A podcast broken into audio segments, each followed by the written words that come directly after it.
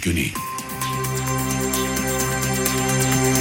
Sælilastundur haldum á stað hér sem leðilikur á Sprengisandinu uh, Þordís Kolbrún, Reykjörg Gilvardóttir hér í lok þáttar þau verða hérna Eva Högstóttir Orri Páll Jóhansson Geril Sigur Jónsson og Geir Guðmundsson ræðum um uppbrunna ábyrðir hér á eftir en hingað komin Gunnar Þór Gíslason sem er stjórnaformaður Ölmu, legufélags, sæl og blessaður, velkomin Já, takk fyrir.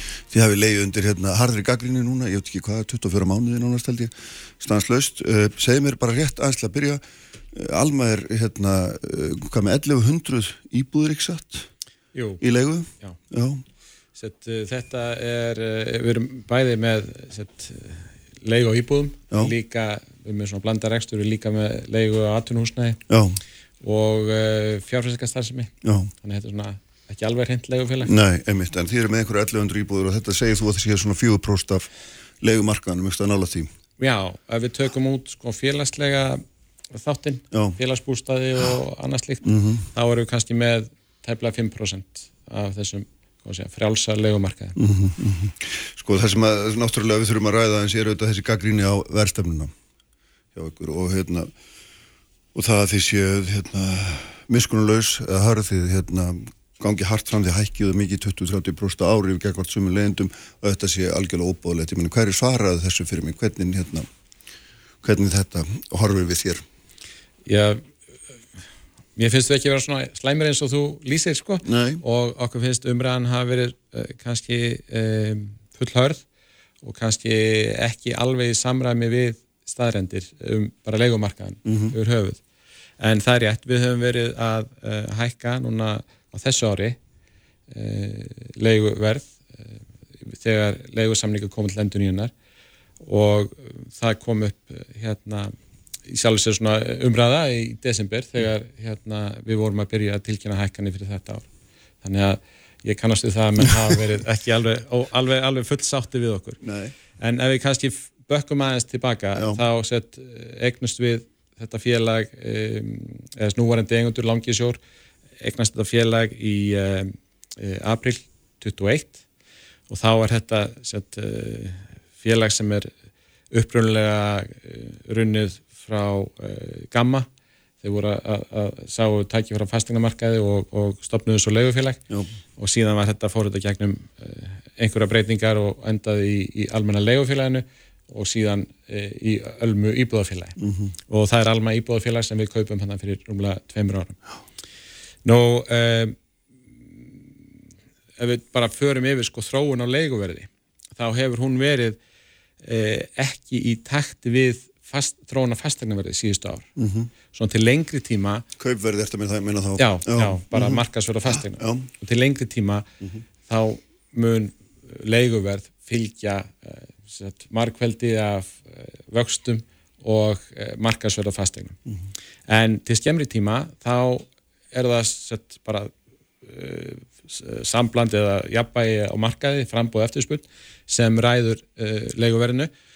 Og áður við komum að félaginu sett, í, þegar COVID uh, komast, að stað í byrjun 2020 þá vindaðist mikið ójabægi á leigumarkaðan það voru sérstaklega í miðbænum það voru sett, uh, fullt af uh, íbúðum sem hefur verið í skamtímalegu til ferðamanna sem uh, kom inn á, á þennan langtímalegu markað Já.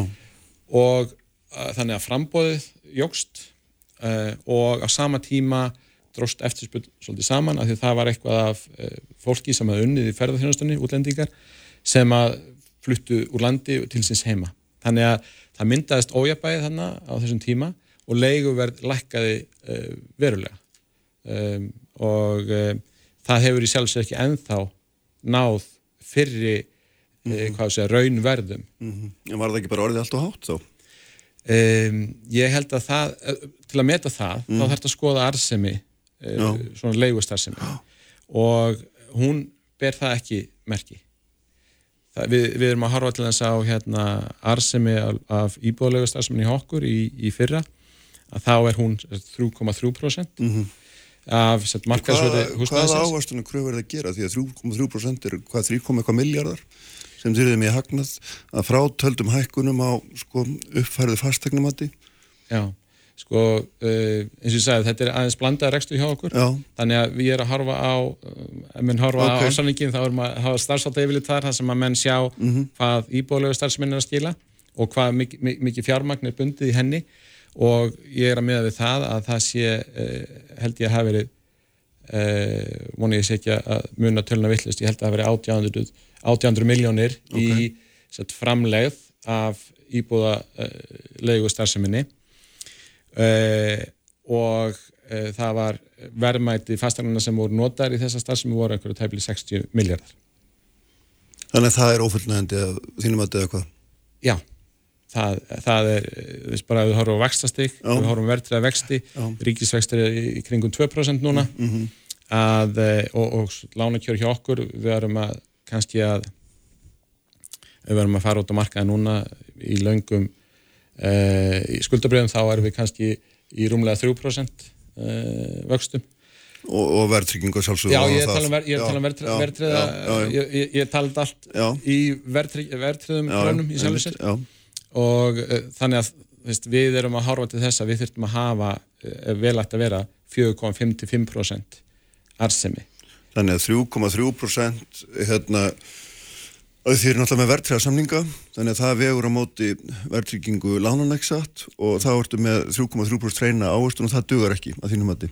Nei, það, e, við erum að borga, eins og ef við erum að, að fjármagnanda núna þá erum við að bara að taka lánsfið á eitthvað svipuðum vöxtum og, arsemin er. Þannig að, En svo hækkar náttúrulega fastegna verið líka.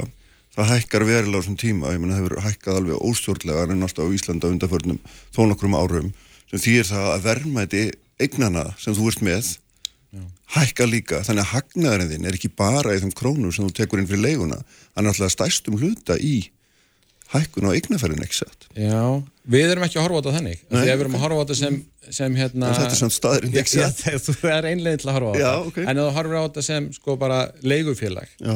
út í, sem, sem er að fara í, sem er bara í leigu út í það óendilega, þá er það alltaf þannig að leigan Mm. verður að standa undir ekstrinum. Af því ef það væri ekki svoleiðis, já. þá þyrftum við alltaf að vera að selja eignir til að, til að ef, ef við ætlum að horfa á þetta þannig eins og þú ert Já, að vísa til, já. Að við erum að hérna, horfa til hugsanlegar verðmættaukningar yfir tíma, að þá þyrftum við og stilla leiguverðin eftir því, þá þyrftum við að vera að selja íbúður alltaf jamt og þétt til að eiga fyrir rekstrakostnaði Mhm. og það er ekki sjálfbært. Við erum til þess að horfa eh, á hérna, ef við horfum á Hver er rekstra kostnaðurinn af þessu? Hver er, hver er hann af þessum? Þú ert Hann með er- 1800 miljónir í hreinan. sko, það er svona uh, það er cirka uh, 35% af leigutekjunum sem fer í, í rekstur á, á þessari starfsemi. Og það er fastrangjöld og það er laun og það er viðhald og, og hitt og þetta. Og það er bara í samræmið það sem til dæmis um, gerist í hérna hjá heimstæðin, það er alveg sambarlega tala 35% þetta er aðeins herri tala heldur en er hjá uh, atvinnumfæstingarfélagunum en þau eru í sjálfu sig með færi kuna, stærri samninga og kannski minni umsýslu. Þannig að þetta er það sem að kostar að reyka svona félag En hva- sko, þetta er, við getum hort á þessi hlutfall og, og talið upp þessar prósentur og allt svona, en svo er hitt sem er náttúrulega bara krónutalan sjálf, sem það kostar að leia íbúð hjá þér eða einhverjum öðrum. Já. Og hún er mjög há. Það breytir einhver hvort að þú ert að fá 3,3% eða 4,5% eða hvað það er skilur, en krónutalan sjálf, sem ert að rukka, hún er gríðalega há. Sko. Já, ég áttum á því Já. og þarna erum við að koma kannski að þessu máli frá tveimur uh, sjónurhóttnum, Já. annars verður frá sjónurhóttnum leigusalans sem verður að fá hérna arsemi á fjárstekunni því annars tekur þið ekki að standi þessar starfsemi og hins vegar frá uh, leigutakanum sem er að borga mikla peninga fyrir að leiga íbúð og það er bara þannig að húsnaði er dýrt saman hvort þú átt að sjálfur og rekur og borga fjármarskostnaði því sjálfur eða, eða hvort þú leigir. Mm. Þetta er bara einna stóru, stærstu rekstra kostnaðunum í, hjá hverju fjölskyldu. Það er húsnæðiskostnaði. Alveg saman hvort þú leigir eða átt húsið sjálfur. Já, nákvæmlega. En Og það er dýrt. Það er, dýrt. Já. það er bara dýrt að Já. koma sér upp, Já. sko, koma sér upp eh, En þú er náttúrulega að skáka líka í skjóli þess og þið og og reyna að vera allir skáka þetta í skjóli þess að það er ekki nájumlegt frambóð af uh, hérna, íbúðum til byggingar greinlega, þannig að einhverjur, einhver hópur þarf að vera á þessum leigumarkaði sem er mjög erfiður. Og, hérna, og, og, og er það ekki bara svona réttmætt tortrygni halda því séu að maka krókina því að það er eftirspurn umfram frambúð það var ekki eftirspunn þetta eh, umfram Nei, ég veit, framboð þú lísti því, já, já, en það er vantilega núna, það er vantilega núna. En núna erum við að sjá að það er eftirspunnin að styrkjast og það er, En COVID er líka svo mikið undatekninga tilvill, ef við getum verða meila að taka út fyrir svega bara, er það ekki? já ég nefndi það bara til að Já, sína já. Að það sveiplast leiguverð með frambóð eftirspunn og það er ekkert sjálfgefið að það sé alltaf sko, umfram eftirspunn það var ekki umfram eftirspunn í nei. Og það var sérstöku tími, ég er Já, sammála því. já. en e, núna er e, ákveðið hérna hvað að segja e, það er umfram eftirspunn eftir húsnæði. Við erum búin að fá hérna bara fyrra, 12.000 manns sem í aukningu á Íslandi. E, og það er bara fólk er að koma að vinna hérna og, og það er allt að gerast. Og e, það er bara með þennan byggingamarkað hann tekur rosalega það er rosalega tími sem hann tekur að byggja hús. Þannig að hann getur ekki brugðist við, eða markarum bregst ekki við, jafn hratt og, og eftirspurnin. Þannig að frambóðsliðin er miklu tregar að taka við sér. Það er bara eh, eðlið þessa markaðar. Já, en nú er þetta þannig að vantilega þegar því þú kaupir þetta á þessum tíma þá voru vexti mjög lágir þegar því er að kaupa ekki satt? Og hérna ég veit ekki að hvað miklu leiti þegar fjármagna þetta með lánum en, en, en, en vantilega voru vexti lágir að minnstu voru þeir mjög lágir með það sem gerist í dag. Og þú ert vantilega að borga vexti af þeim lánum en ekki, ekki af lánum sem er tekið í dag. Þannig að maður myndi halda svona hérna að þú verður í stöðu til þess að já, þið með svona mikil umsvið, með svona margar íbúðum, mikil sveigjanleika, þið verður stöðu til þess að hérna, milda aðeins uh, eftirspurn eða þörfina fyrir, fyrir fjármagn. Já, sko, við, þegar við kaupum félagi þá er þetta bara félagi rekstri með Já. ákvæmna fjármögn Já, og stærsta láni sem við erum með er hérna, verðtritt skuldabræðalán með 3,5% verðtriðum vöxtum. Mm -hmm. bara til að nefna Já, þessum dæmi. en síðan erum við stöðut að við erum að endur fjármagna og við erum að stækka og við erum að fjármagna það. Þannig að það er á mismöndi kjörum sem við erum að fjármagna okkur. En eins og segi, stærsta lána okkar er á 3,5% verðtriðum vöxtum. Síðan í millitíðinni tókum við lán sem voru hérna á læri vöxtum og núna við aftur komin á svipaðan stað og var eh, sett, þessi lán sem voru í félaginu þegar við tókum við þeim og við erum ennþá með.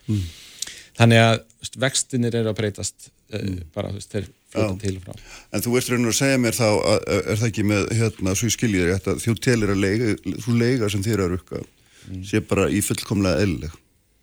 Já, hún er á lág Hún er á lág já, þess já, hún er á lág frá, frá, frá þessu frá hérna, ef við horfum á arðsemi af rekstrinum. Þannig að eh, leiga mun hækka á næstunni. En það er að segja mér, þetta fyrirtæki sé bara ekki, þetta er bara ekki góðu business.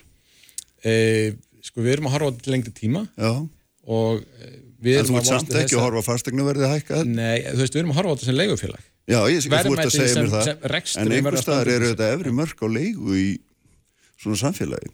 Þú getur ekki bara haldið áfram að hækka leiguna 10-100% ári ef að þetta, Nei, nei, Nei, nei meina það, það- eru efri mörg auðvitað fyrir leigu sko. það er bara hvað hérna, hérna uh, fólk hefur bara greiðslu getið til að borga. Já, en leiga núna er ekki há í sögulegu samhengi. Bara hérna hann hérna hagfræðingur uh, húsnæðis og mannumgjastofnunar Kári Já, já, já, hann uh, hefur komið fram núna undanfarnar mánuði bara alltaf uh, lýsa því yfir uh, úr það sem þeirra rannsóknum. Og hann segir að leiguverð eins og það er núna mælt uh, hefur sjaldan verið lægra sem hlutvall launum og aldrei verið lægra sem hlutvall af fastegnaverði þannig að í sögulegu samhengi er leiguverð á Íslandi lágt já. Það er þetta, sko, ég hef ekki fórsendu til að reyngja þetta með einum hætti. Nei, nei, En- þetta er ekki sko hagfræðingur og hagsmannarsamtaka átta sko, þetta því. er bara eh, áttamel á því, Já. en við erum, auðvitað alltaf, að- við erum að horfa á leigumarka á Íslandi sem er alltaf langstæstur hluta byggður upp á fólki sem á ekki annar að kosta völ. Ég held að það sé nú svona staðrind mál, sko. Og, og það hefur ekkert um, í, í annar hús að venda. Og það er það sem gerir stöðuna svona samfélagslega erfiða. Ég held að sko, leiga er stór hlut af útgjötu fólks og ef ég vitna aftur í, í Kára Mm. uh, hann hérna það var viðtal við henni í Vistablaðinu vikunni sem er mjög fröðlegt og vonandi kemist það víðar mm. hann nefnir að ef hann tekur set, uh, þá tekju, þess að 20% tekju legstu uh, þjóðfélagsteknana á Íslandi þá borga þeir uh, ekki meira í húsnæðskostnað mm. heldur en þessi hópur annar staðar á Norrlundunum og í OECD mm -hmm. þannig að leigan á Íslandi mm -hmm. e, fyrir þessa tekjulegstu er ekki hlutvarslega herri á Íslandi heldur en á Norrlundunum eða í OECD En þú viðkennir samt sem áður að í krónum talið er leigan mjög há Ég er ekkert að, þú veist, húsnað er dýrt Já, já, já og þess vegna verður leiga alltaf dýrt Já, en ég menna við getum alltaf vísað einhver hlutvöld samanbörðu eitthvað svona, en staðrindin tala bara sínu máli já. að þetta er mjög dýrt það er bara það er bara starfn máls. Húsnaði kostar mikla pening. Já. Og spurningin er svolítið hvernig já. þú veist, hvað hva, hva hlutverk gegnir Alma sem legufélag til dæmis í því að halda niður í þessum kostnaði? Ég meina, finnst ykkur því að bera einhverja ábyrð eða, eða er þið bara... Við erum að starfa á marka. Er þið bara að græða daginn og grilla kvöldin? Ég meina, hvert er, hvert er viðhóru ykkur? Uh, Alma er ekki félagslegt úrræði. Nei, ég átt að minna á því, já. já. Það, við erum með félagsbústæði, við erum með aðra, aðra starfsem á þessum markaði sem sinni félagslega Allir sem reyka fyrirtæki hafa einhverja samfélagslega ábyrðiksa Algjörlega já. Það var meðal þessuna sem við, hérna, við fristum leiguhækkanir fyrra já, og það er meðal annars þess vegna sem við erum að uh, setjum okkur starfsreglur í, í, eftir þessu umræði í desember þess að við erum að tempra leiguhækkanir hjá okkur Við erum bara miða við markasverð eins og við sjáum hann, við erum bara lítið hlut af markan þóttu séum sjálfsögur stórt félag sko. já, já. ég er ekki að segja það, það en við erum, þetta er bara stór markaður og eh, hann er eiginlega eh, frambóðið á markanum er einstaklingar sem eiga eina eða fáar íbúið sem er leiðaðir út það er sko stærstu hlutur á markanum mm. eh, við erum bara eins og segi, 4-5% eftir hvernig metur þetta hérna hluti af þessum leikumarkaði og við erum bara að sjá hvað er að gerast e, þegar við erum að ákvæða verð þegar okkar verðstyrning er í gangi mm. þá erum við bara að skoða hvað er að gerast á markanum mm. og við erum að leia, bara bjóða íbúður þegar við erum að hérna, bjóða nýjar íbúður eða þegar við erum að endur nýja samninga þá erum við bara að horfa til þess hvað er að gerast á markanum mm. og þannig að við erum sjálfsögur ekki verð leiðandi, við erum bara að, að skoða hvað er að gerast. Ef við erum að stilla verð á hátt þá lendum við, lendum við í, í ekki meðan eftirspurnin er, er, hérna, er umfram frambóðið fólk, er... fólk verður að hafa þakk yfir höfuðið. Og það er bara þannig. Já, og þú getur stilt verði eins og staðan er núna ekki bara þú persónlega, heldur bara leik og salar, já. getur náttúrulega bara stilt verði þar sem þið sýnist, en þess að fólk er annars á götunni sko. Já sko það, fólk, hérna, fólk hefur ef, ef, hérna markasverðið mm. eða leikuverðið hækkar á mikið þá hefur, þá bara og, og þú veist, þá stýrir verðið ráðstöfun þessar takmarkuðu gæða sem eru húsnaði í, í bóði það var til dæmis hérna bara áhugaverð frétt um, bara nýlega fyrir nokkru vikum Lára Ómarsdóttir kom mm. fram og sagði það er svo dýrt að leia að dótti mín hún einsta móður held ég að hefur verið mm. hún hefur gefna að vera á leikumarkanum og við ætlum bara að hérna flytja þannig að við höfum aðstöð til að hún getur verið í einhverju ekki hvort auka íbúð eða mm. eitthvað svo leiðis -hmm. svona stýrir verð á markaði hegðum fólks og, og, og veist þannig, þannig virkar þetta mm -hmm. það er hérna ef að þegar fólk hérna, við, hérna ég var að fara til eiga en daginn mm. og þá í Herjóli var verið að sína einhverja gamla serjur af Friends oh. og þar var set, fólk bjó í New York. Oh. og leiguverð var vantilega hátt þar. Og þar var fólk til dæmis bara að deila íbúðum. Þannig voru fólk sem bjó saman. Vist, það er ekki mikið um þetta. En kannski er þetta eitthvað þegar ef leiguverð hækkar með enn meira að kannski er það eitthvað svona sem menn, hérna, það er ótrúið að, að leiða þryggjaherbyggi íbúð heldur um tvær tveggjaherbyggi íbúður mm -hmm. þannig að kannski verður eitthvað svona mm. Hérna, bregðist með svona við hækkandi verð. Já, einmitt, en svo, svo getur maður líka horta á þetta sem er það að hérna, við búum í samfélagögnumbliki núna þar sem vextir hafa farið stöðu tækandi, verðbólka fyrir hækkandi og það er náttúrulega meðal annars vegna þess að allir sem að eru í rekstri, þeir eru að berjast við að ná til sín fleiri krónum til þess að hafa fyrir kostnaðin og, þarna, og maður veldi líka fyrir sér þá er ekki einhver skilda á þeim líka eins og öllum öðrum aðeins að hérna að reyna að taka á með öllum að halda þessu, halda aftur að þessari þróun og, og legufélag sem bara konstantli hækkar er ekki að vinna gegn hérna hækkandi vöxtum heldur þvert á móti. Það er gaman áskulir hérna að minnast á, á hérna uh, neysluversvísitluna. já, því hún er nú við með já, já, og þar eru hérna eru einhverja undirvísitulur og þar er þessi reiknuð húsalega sem er þekkja, sem er sett eila markveldi af vöxtum og, og hérna sem er þú veist ætlað að að eh, taka til, til húsnæðskostnaði þeirra sem mm. eiga húsnæði. Mm. en svo er önnur undirvísitala sem heitir greittvísitala það er minna að tala um hana. Að því að hún heldur ekki í við hefur ekki haldið í við e, e, neistluversvísturna sjálfa. Mm þannig að e, ef þú horfur á þessa undirvístur sem heitir greitt húsalega að hún er set, hefur ekki haldið í við verðbólku -hmm. þannig ég er að segja bara ítrekka það Já. að leiga, hún hefur verið að lækka raunverði á Íslandi og hún er læri núna, mm. eitthvað sjöbröst læri tæmlega sjöbröst læri núna að raunverði heldur hún var í upphafast 2020 mm -hmm. En ef við förum lengra, lengra aftur Já, þú getur farið til 2017 hún er ennþá læri heldur hún 2017 Já. En þú veist að þú fer lengra, lengra, lengra aftur þá já, kannski fer að fá, fá einhverja hækkanir að þú fer til 2011 líka til þess það sem að hérna, við erum nýkomin út úr sko, sko hérna hruni og allt fastangar verði bara lækkað um 35% Já. að þá vantarlega færðu einhverja hækkun frá, það, frá þeim tíma Já. en ekki nærði jafn mikla hækkun og fastangar verði sjálfu Nei. Eh, hérna sko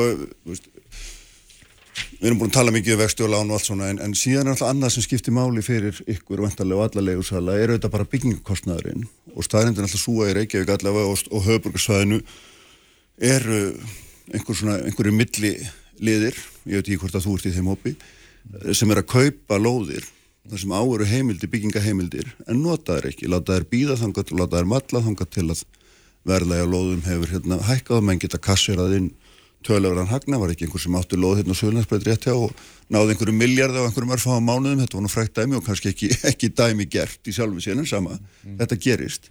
Ná, að hvað miklu leiti skýrir þessi þróun þetta brask, ef ekki bara kalla brask mm. uh, hérna uh, kostnæverðarbyggingum og þar með þá kröfur sem þú þarfst að gera til þess að leigan hérna, stand undir þeim kostnæði sem þú þarfst að greiða fyrir íbúðinar Ég veit ekki hvað ég, veit, ég sjálfs veit ekki hvað hérna, þetta er eh, hérna, skiptu miklu máli Nei. nú er, hérna, er sveitafélag farin að í auknum mæli að bjóða út uh, hérna, byggingalóður Mósusbær var að bjóða út einhverja byggingalóðir eh, bæði fjölbilsúsalóðir og held ég ráðsalóðir mm. bara fyrir einhverju eh, síðustu vikuð þar á undan og það setið bara þá bjóða verktakar eða hverju sem er í þessar lóðir þannig að nú er kannski uh, þessi verðmætti lóða mm. eðlilega að koma til sveitafélagana en ekki að þeim sé útlutað á einhverju uh, undirverði til já, já. hérna Péturs og Pálsson síðan geta eins og, eins og þú kallar að unni með þar eða seltar eða áfram eða hvernig það er mm -hmm. þannig að ég held að það sé jákvæmt að sveitafélagin sé að fá loðaverðin til sín en sko hérna það er engin trygging fyrir því að því það er engin það er engin hérna, engin kvöð á þeim sem að færi loð frá sveitafélagi um að byggja en einhvers tiltekins tíma.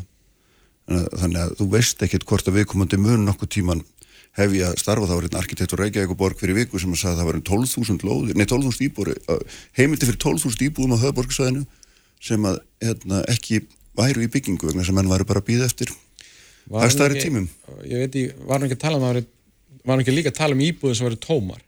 Nei það var, það var annað. Já, var annað. Já, já, já, sko ég veit ekki töluna en nei, veist, nei, nei. það er hérna, þetta voru heimildir fyrir já sko við erum með hérna sýstu félag okkar sem, sem er að standa í því að fjárhustilóðum og standa uppbyggingu á íbúðurhúsnaði e, sýstu félag almu og e, það er það er stundum meðan þurfa að breyta skipuleginu og það tekur tíma það tekur e, stundum allt og allt á langan tíma að mm. breyta skipuleginu og meðan eru lóðir sem væru annars hérna byggingarhæfar eru í byggstuð og svo er eins og núna kannski einhverju sem eiga lóðir, hækkandi vextir, það er búið hérna, á, á að keira niður fastagnarverðið, það á að hækka, halda, að hætta að endugreiða hérna, virðsöka, eða dragur endugreisla virðsökarskatti til íbúðabygginga og mér finnst ekki skrítið að, að hérna, verktakar hugsa sér tvissar um að þeir fara á stað núna með byggingaverkefni. Mm -hmm. það er bara mjög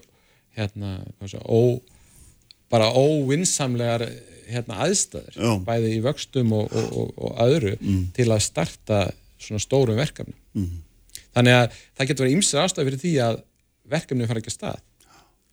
En við erum að fara að freista þess að byggja hérna 35.000 íbúður á 10 árum sem að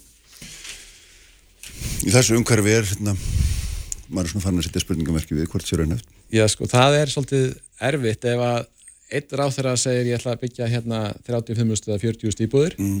og svo er annar og sem segir já við ætlum að hérna draga úr endugriðslum á, hérna virðuskaskatti til, til hérna húsbygginga og svo er sæðlabankastjóri sem segir við ætlum að hækka vexti meðal annars til að draga úr framkvæmdum á byggingamarkaði. Þetta fer ekki allt saman. Nei, nei. Nei, nei, það gerir það auðvitað ekki. En svona niðurstaðan að þessu spjallakakunar er, er, er þá sem sagt svo að, að þrátt fyrir alla þá gaggrinni sem upp, upp á sem á ykkur hefur verið borin og, og kannski var það þá ekki, við erum ekki búin að fjalla hér um einstök mál en, en auðvitað hérna dæmið uh, mörg sem hafa verið staðfist ofnilega mikla hekkun að, að, að þá til þú lega verið vera látt. Það er sérst niðurstaðan. Já, með að Þú við bara segja- sögulega, Já, já. sögulega hérna, þróunarlegu verði, með að við hérna, bara uh, hérna, fastegnaverði eins og það núna, vakstastegn eins og það núna, Já. eftirspunni eins og það núna, e, bara samanbörðu hérna, nágrannlöndin, mm. þá e, tel ég, og ekki bara ég, Sælabankin líka meðal annars, segir þetta, og e, hérna, þá mun þá tel ég að leiguverð muni hækka og sp- mér er svo það, sem, það er svo margt sem stýður það ekki bara þessi tölulegu gögn þetta er líka alltaf lífskjara rannsókn hagstofunar, nú nýjasta. Að þá er spurt er hérna telur þú að húsnanskostnaði sé verulega íþýkjandi og það er sett skipt niður eftir leyendum og þeir sem búa í einn húsnæði. Og það er, ekki, þetta er sko lægsta hérna, svörun hjá leyendum um að hérna bara í sögu þessara mælinga.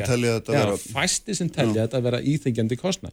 Þannig að ég held að menn þurfa aðeins að skoða tölulega staðrendir auðvitað er þetta háa tölur mm. Veistu, borgaði kannski 200-300 krónur í, í leigu á mánuði, það er há tala Já, en þetta er að fyrstu 400 hús krónuna þín er farið í þetta. já, ég meina þetta er sko Hver þetta eru bara meðalinn í stærsti- landinu? 600.000? rúmlega? Nei, nei, þau eru herrið Já, já, ok, 700, allt í Það nær 800, nei, 800 já, eitthvað, ok, skilur, já, já. já, fyrir hvert, skilur við yfir þetta eru tveir í heimili sko. Eða oft, Eh, hérna, það er Það er hérna, alltaf fyrir skatt, já. en hérna þetta er þessi umræða um það að leiguverð sé hátt, Mm. það er rétt en það, það er að því að það er uh, húsnæðisliðurinn er lang, lang stærsti útgjaldaliðurinn hjá öllum. Mm. hvort sem menn eiga húsnæði þá þú veist bara með hvort sem eru með lán eða ekki lán það er þá eh, hérna, eh, hérna kostnað við peningi sem þú ert að pesta í húsnæðinu sem er ekki talin saman eða hvort þú leigir þannig að þetta verður alltaf það verður alltaf dýrt að, að búa einhver staðar Já, en hvað með sko bara eitt í lokin hérna lengt samninga, þannig að það skiptir máli. Að þú ert, gerir tíu ára samning segjum það við einhvern legursala og það er bara bundið neysluverðsvístölu og engar hækkanir aðrar versus það að einhver kemur og, og hérna mig grunnar þessu að gera það að þið eru að taka miða einhverju markasverði á einhverjum tilteknum tíma og hækka leguna miða við það, auk þess að, að hérna, verðtryggjana. Ég sko við erum bjó, okkar grunnsamningur er Já. 12 mánuða samningur, tímabundi samningur en við bjóðum og höfum búið lengi Mhm. upp á alltaf, núna bjóðum við upp á alltaf 5 ára eh, hérna, samninga, þannig að þú getur fest leiguverðið Mhm. til alltaf 5 ára, þú borgar öllítið meira fyrir það á mánuði eh, heldur en 12 mánuða samningin Hversu mikið meira? það fyrir eftir bæði lengdinni og upphæð, eh, það er frá upphæð hérna leigunar, það er frá 2000 krónum sem er þá eitthvað um 1% og upp í eh, held ég 11.000 krónur núna eftir, fyrir allar, allar dýrstur íbúðuna til 5 ára. Uh og þannig að þetta er kostu sem við bjóðum fólki að festa leiguverðin til alltaf 5 ára. Bara svipað mennur að festa Og þá er eina hækkunin sem að verður er þá þessi Bara- neysluverðsvístölu Já. hækkun eða sambarileg Já, og þú getur fengið þetta til fimm ára. Já, þannig að þú ert þá að gefnið ekkert komið upp á þá ertu bara tryggur þannig inni og þú veist cirka hvað þú ert að borga. Já. Já. Ljómandi hérna, ég held að þú komast ekki lengri í bíli Bestu þakki fyrir að komungunar Takk, takk Þeir verða hérna hjá með Ketil Sigurjónsson og Geir Gumundsson á eftirvöldum að fjallum uppruna ábyrðir á rávorku. Sprengisandur á bylgjunni. Sprengisandur á bylgjunni alla sunnundasmórna. Sæli afturlustendur, hann er farið frá mér hann Gunnar Þór Gíslason, stjórnaformaður Ölmu eftir umræði hér um verðlagningu á leigu, einhverjum og sérlega hér á höfuborgsvæðinu í Reykjavík. Uh, Þórtís Kolbrun verður hérna Reykjörg Gilvardóttir, utanriksráþri lók þáttur og þau verða hérna Eva Haugstóttir lögmaður og Orri Póll Jónsson þingmaður en þá málfrelsi, hattusorðræðu og eitt og annað. Annað því tengt, en hér hjá mér er Geir Guðmundsson, verkfræðingur, sætla blessaði Geir, velkomin til mín. Og símanum er Kettil Sigurjónsson, lagfræðingur, sérfræðingur um orkumál, sætla blessaði Kettil. Já, sæl. Sko, mér langaði að fá ykkur því, að hérna, þið eru, þið eru, þið eru hérna, fróður um þessar uppbruna ábyrðir sem hafa verið í fréttum að það gerist að, að efur og samt, samtök útgefanda uppbruna ábyrða bönnuðu útflutning uppbruna ábyrðar aforku frá Íslandi hvorki meirinni minna. Og hérna þetta vakti nú miklu aðdegli en það er hérna miklu peningar í húfi. Ég sé að, að Hörður Arnarsson hefur, hefur líst í yfir og landsverkjun að, að þetta geti orðið alltaf 20 miljardar á ári. Veit ekki hvort það er orðið en, en það minnst þú veist ég gæti stemt í það. Og það sem er svona alltaf merkilegt við þetta er að, er að við viljumst vera að selja uppruna ábyrðir úr landi og gerum það og það þýðir þá það að þeir sem að framleiða vöru úr hreitni, ef við kallaðum það, grætni íslenskri orku en kaupa ekki uppruna ábyrðir geta ekki státa sig af því að þeir framleiði vörur og hreitn orku. Og ég held að, svona, að því við erum með loka ráorkukerri þá er þetta alltaf fullt kettit, villu kannski byrja aðeins hvernig virkar þetta heil og er, ykkur, er heil brú í þessu? Já, það er kannski vonu að spyrja það er, ég held að segja svolítið algjört að það er ákveð mískinningur um þetta kerfi en, en ég vil sérstaklega kannski taka fram upp að ég er ekki, ég er engin talsmaður þessa kerfi, þetta er eitt, þetta er, þetta er hluti af ímsum öðrum leiðum sem líka eru í gildi innan uh, ekki bara Európa-sambansins heldur alls Európska hefnarsvæðisins um að reyna að hvetja til meiri notkun og endur nýjanir orku og auka hlut alltaf endur nýjanar orku. Og hvort að þetta er góð sérstaklega góðlega ekki, það er umdelunlegt en þetta, þetta tímalust eigur tekur fyrirtækja sem framlega græna orku umfram þau fyrirtækja á möguleika til að á meiri tekið fyrir orkuna heldur en fyrirtækja sem framlega orku með Landsverkjum tala nú bara um að þetta sé bara tvær aðskildar vörur þar að segja annars verður orkan sjálf og hins vegar Það er alveg rétt sko, en, en, en, en það er bara fyrirtæki sem framlega græna orkuna sem eiga möguleika að fá þessar auka tekjur. Og og þess vegna hjálpa þetta fyrirtæki sem framlega græna orku og fyrir Ísland er þetta bara mjög hakkvæmt við frálega mikið að græna orku þannig getur þetta tækjafæri til líf fyrir Íslandi þess að þessi fyrirtæki Íslandi framlega þess að græna orku til að fá eitthvað tekur og það er þetta landsvíktu langstæst og það er fyrirtæki eigur ríkisins og það með þjóðarinnar þannig að þetta er aukna tekur fyrir þjóða, þjóðina mm -hmm. og vera þau svo út í þetta kerfi eins og margir að gera um að sé einhvern veginn vera að fýta græna ímynd Íslands út úr landi það er bara allrámt og, jöfna, og uh, á sér að mínu mati að mér sko er bara enga stóð sko í raunveruleikunum og og, um, og ef ég má aðeins bæta við sko, ef maður er svona síman og það er kannski ákveð bara að, að, að, að reyna að segja sem mest, mest á, á stöðum tíma það er það að hérna, að e, e, sko fyrirtæki bara alltaf þegar fyrirtæki kaupir svona upprunápið Það, er, það, það veit enginn hvað orku fyrirtæki fær því orka er þess aðeins að hún, fer allir nákvæði samverðkerfi og síðan fer áorkan út bara hér og þar og allstafar og þó svo einhver kaupu uppröður vottur að gætna orku hann veit ekkert hvaða orku hann er að fá út úr kerfinu Já, það veit einhver enginn Já, en það er ekki að tala um loka kerfi eins og okkar Já, ég menn mér að segja á Íslandi þú veist, það eru dísilrástöðar sem framleiða Mm -hmm. Það er þetta bara brota brota þetta framlýslinina en það er samt ísirástöð sem framlega ramagn á Íslandi sko. Þannig að, hérna, að jafnvel í Íslandi má segja svo sem kaupa upprunn og hérna, um, um, um græna orku þá, mm. þá, þá, þá er ekki 100% öðru að hann sé að nota bara græna orku. Nei. og notkunnin og þessi upprunn þetta er tvent aðskilu orkan uppnóttur er ekki það sama. Það sem að sá gerir sem kaupur uppnóttur hann stýður við framlösta græni orku. Já, já, akkurat. Hérna, rétt, Geir, hvernig metur þú þetta? Sko því að mér verið það skiptir máli bara fyrir almenna skilning. Þetta, við erum í lokuðu kerfi, við erum ekki að selja raforku, það getur enginn hérna keift á okkur raforku, en svo er það þannig að fyrirtæki á Íslandi sem nota sannlega græna raforku, við ekki státa sig af því að það búið að selja réttin af hérna, þeirri státun já, já. til annara. Já. Er það ekki rétt skiljað mér? Jú, það er mjög skiljanlegt að fólk setur stór spurningamerki við það því við erum með lokuð í kerfi. En þetta er bara nákvæmlega eins og með til dæmis peninga. Að við getum til dæmis farið til útlanda og tekið út í Erlendur hafbanka, Evruselar og það er þá gjaldvert okkar reikning.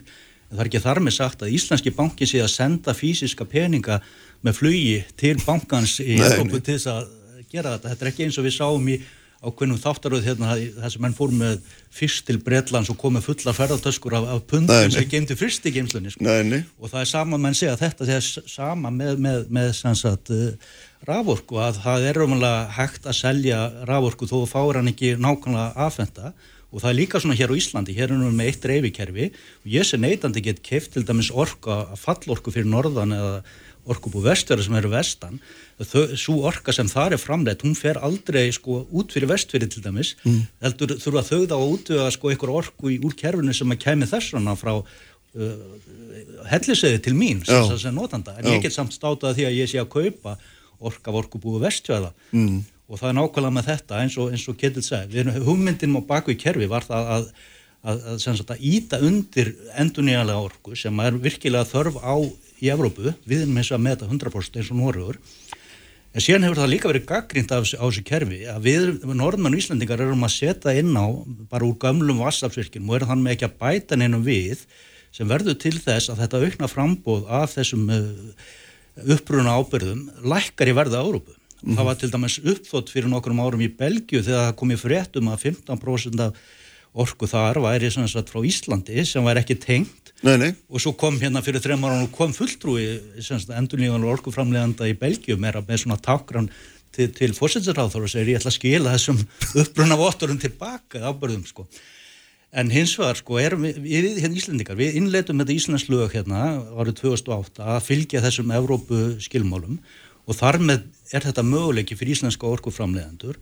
og á tímabili var það þannig að við fengum sem neytendur og fyrirtæki fengum bara ramsendingar sem stóð á að hluta af okkar orku er sem sagt með, endun, með, með kjarnorku og, og, og, jarðarnælsniti og reglan er svo að þú selur sem sagt e, e, landsverkjun selur uppbrunnar ábyrg til kannski fyrirtæki sem Svíþjóð, nei Svíþjóð eða Þískalands eða eitthvað mm. þá meiga þau ekki tvíseljana það er að segja að það sé líka selt hér þannig að þau verða að segja þessi orka sem við erum að selja til um, landsverkjun sem við erum að selja til kannski stóruðar, að þið verða að átt ykkur á því að svo orka sem ég er að láti ykkur aðfenda, þetta er ráðanlega í praksis þessi erlend orka. Í bókaldinu verður þetta brún orka með öðrum orðum og, og, og, og þarna nú verðist það vera þannig er það ekki, er það ekki, ég veit ekki, Ketil, þú líka blandar inn í þetta bara frjálslega, hérna, mér verðist þetta vera þannig að menn gruni einhverju stórið um það að segjast hérna, vera að framleiða efni úr grætni orku en samkvæmt bókaldinu þá sé hún ekki Já. að því en auðvitað í raunveruleikanum er þeir að því er þetta ekki þar sem að hún stendur í konu?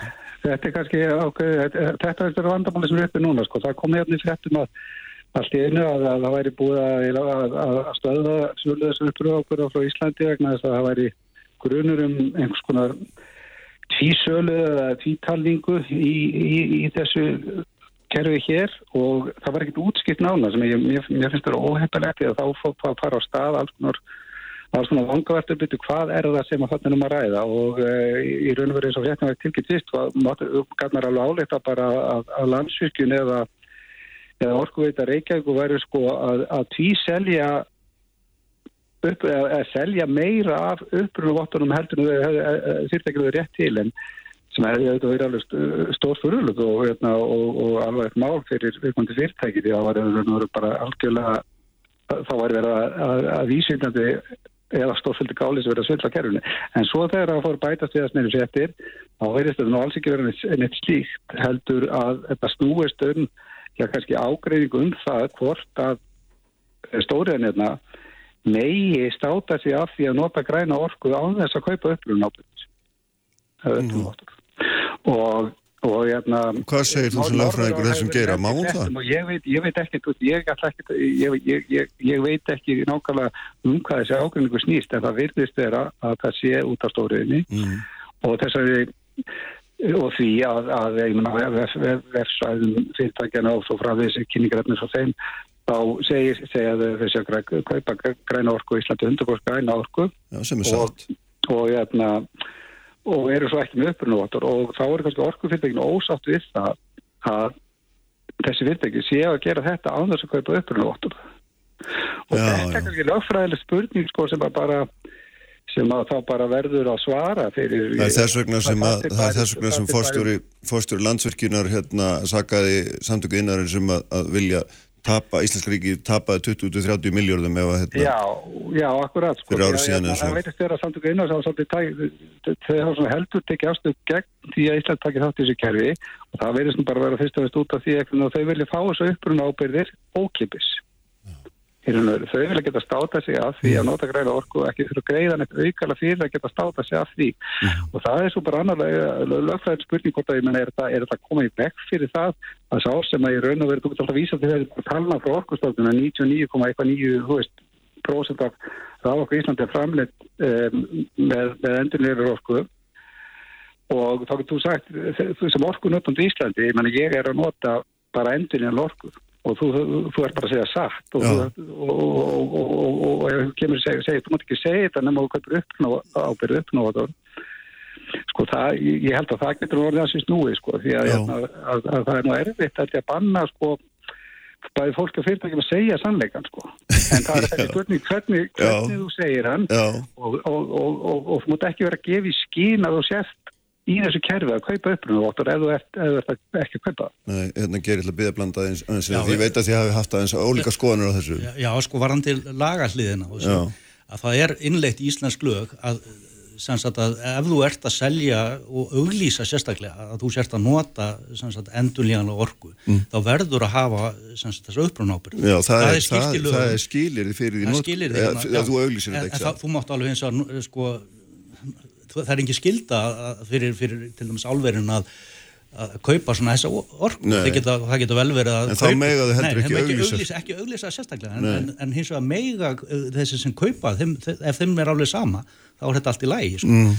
en það sem að sko virðist koma alveg skýrt fram í þessari tilkynningu frá AEB er að það, þeir, þeir fá grunar um að hér sé ákveðinir söl eða semst notendur sem eru að auglýsa sína vörur sem unna úr endanígun orku án þess að vera með þessar uppruna ábyrðir og, og, og þetta er, er eins og eh, Ketil segir, þetta er viss, lagalega óvissar og, og það var hérna árið 2016 skilaði hérna, umhverfis fyrirtækið Environize og það var hún hérna Rafnildur Bradadóttir og Byrna Hallstóttir sem að gerðu mjög ítalega skýslu til ráðandisins mm -hmm. þá atvinnu og, og nýskoparáðandisins og um, um þessar uppbrunápunir og það er farið í þessu lög og það er bara sagt að þetta er mjög óljóst, reglugerðarnar eru óljósar, það er mjög mikil fristnývandi á þessari tvítalningu það er að segja að, að þú sért að kaupa orgu sem er frá mm -hmm.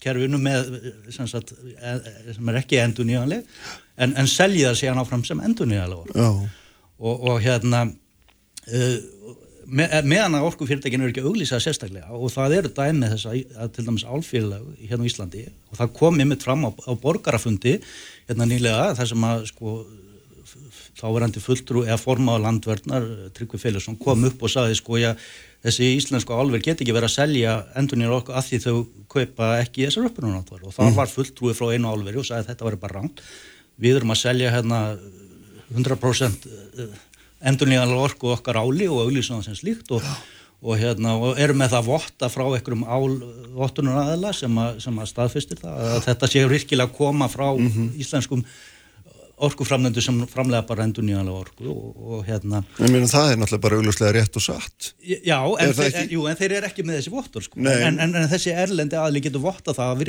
vissulega Nei, ef einhver, einhver kaupandi koma, sko. ef einhver kaupandi kemur inn í álverð til dæmis og segir, ég ætla að kaupaði vöruna, hvernig farið orkuna?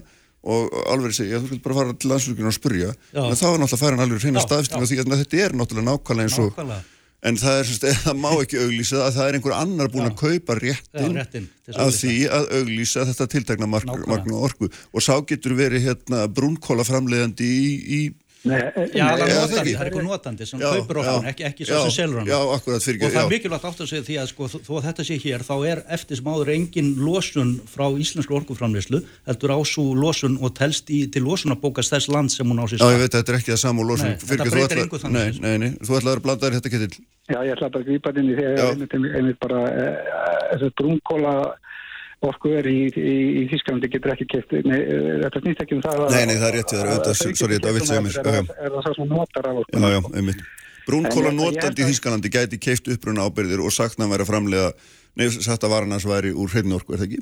Já, hann getur okkar skil orðað að þannig en í raun og veru það, ætti allir að vita það að, að þú veist ekkert hvaða raman kemur út úr sko, kemur út úr, úr raflinu til tína okkar, þú veist ekki hvaðan það raman kom mm. þannig að hver sem, hver sem fullir að hann segist kaupa þú veist bara orkur og vindmjölugur eða bara græna orku í kerfi það sem er eitthvað snefill, jafnveg einmingus eitthvað snefill er af orku sem framleiti dísóli einhver öðru, hann er í raun og veru fullir að hluti meira heldur en að veit sko. mm. en þetta, e, e, e, þetta snýst um það að veikundi getur sagt ég stið við framleist og grætna orku í sama mæli og ég nota orku til, til jæna, framleyslu á mínum örum til dæmi sko.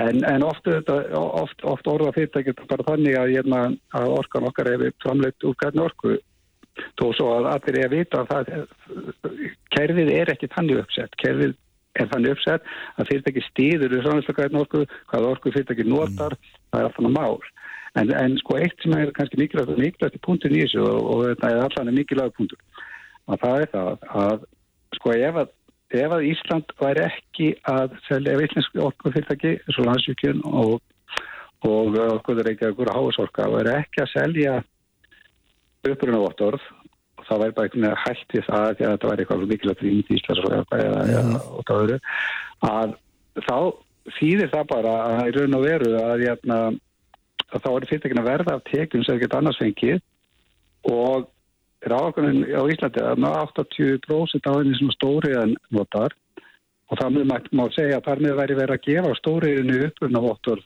fyrir mjög háa fjárhæðir.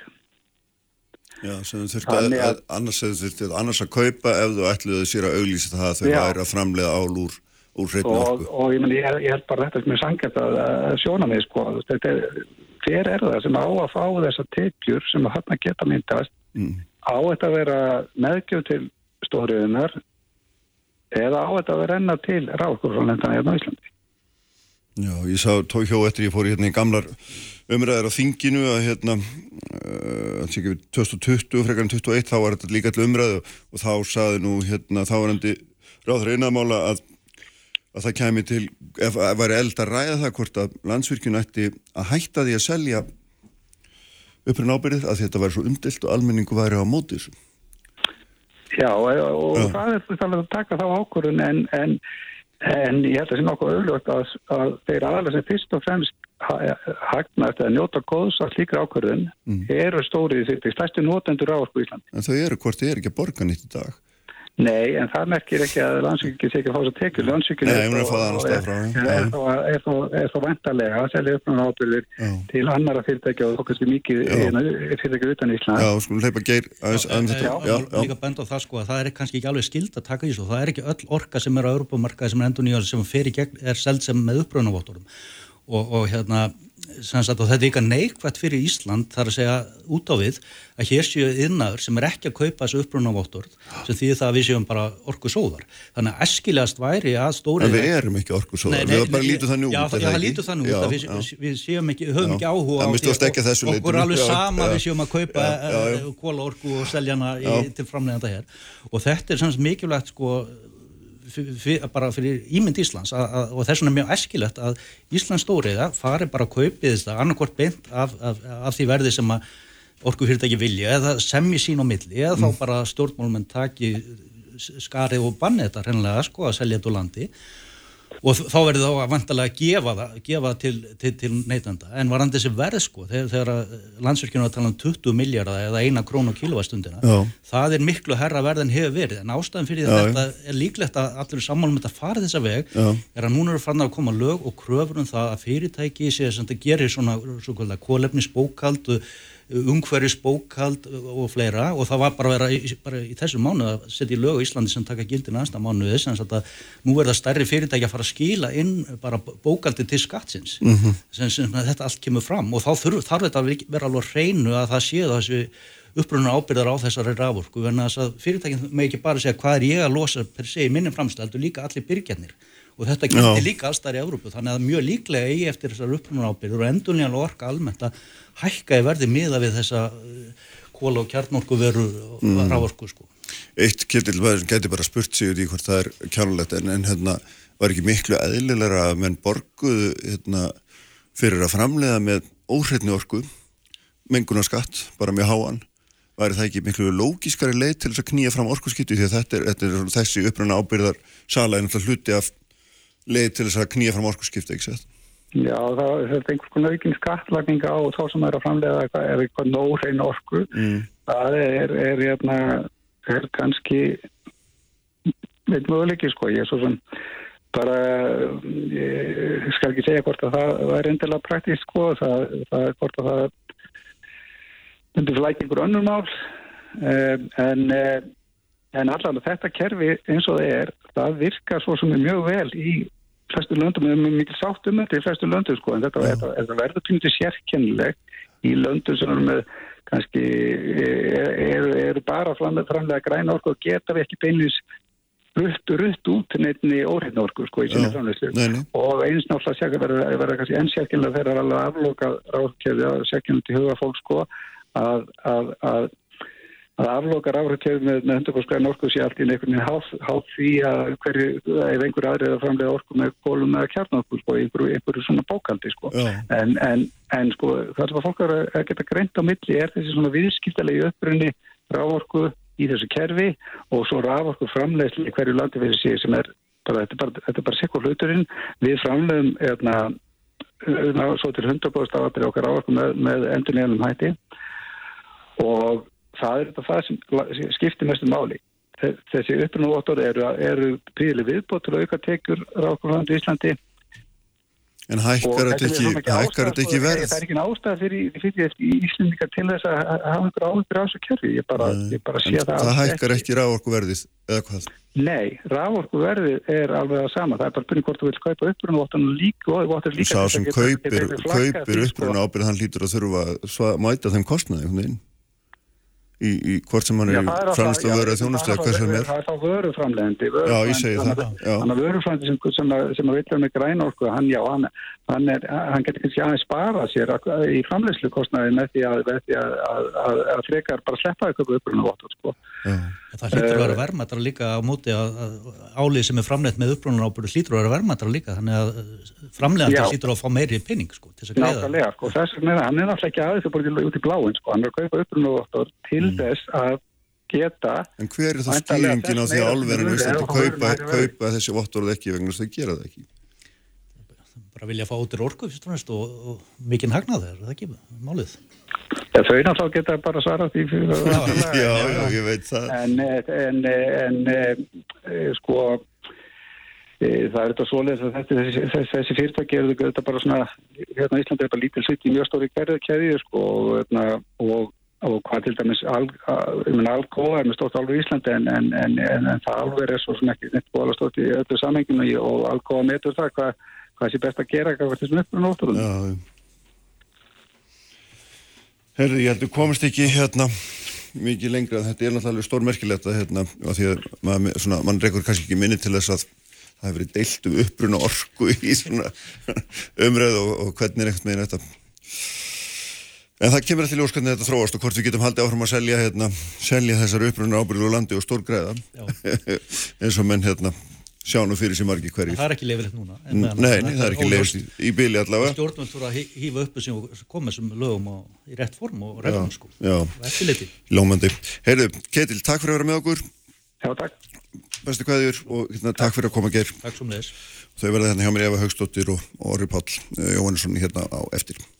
Sprengisandur á bylgjunni. Kraftmikil umræða alla sunnudaga. Sprengisandur á bylgjunni.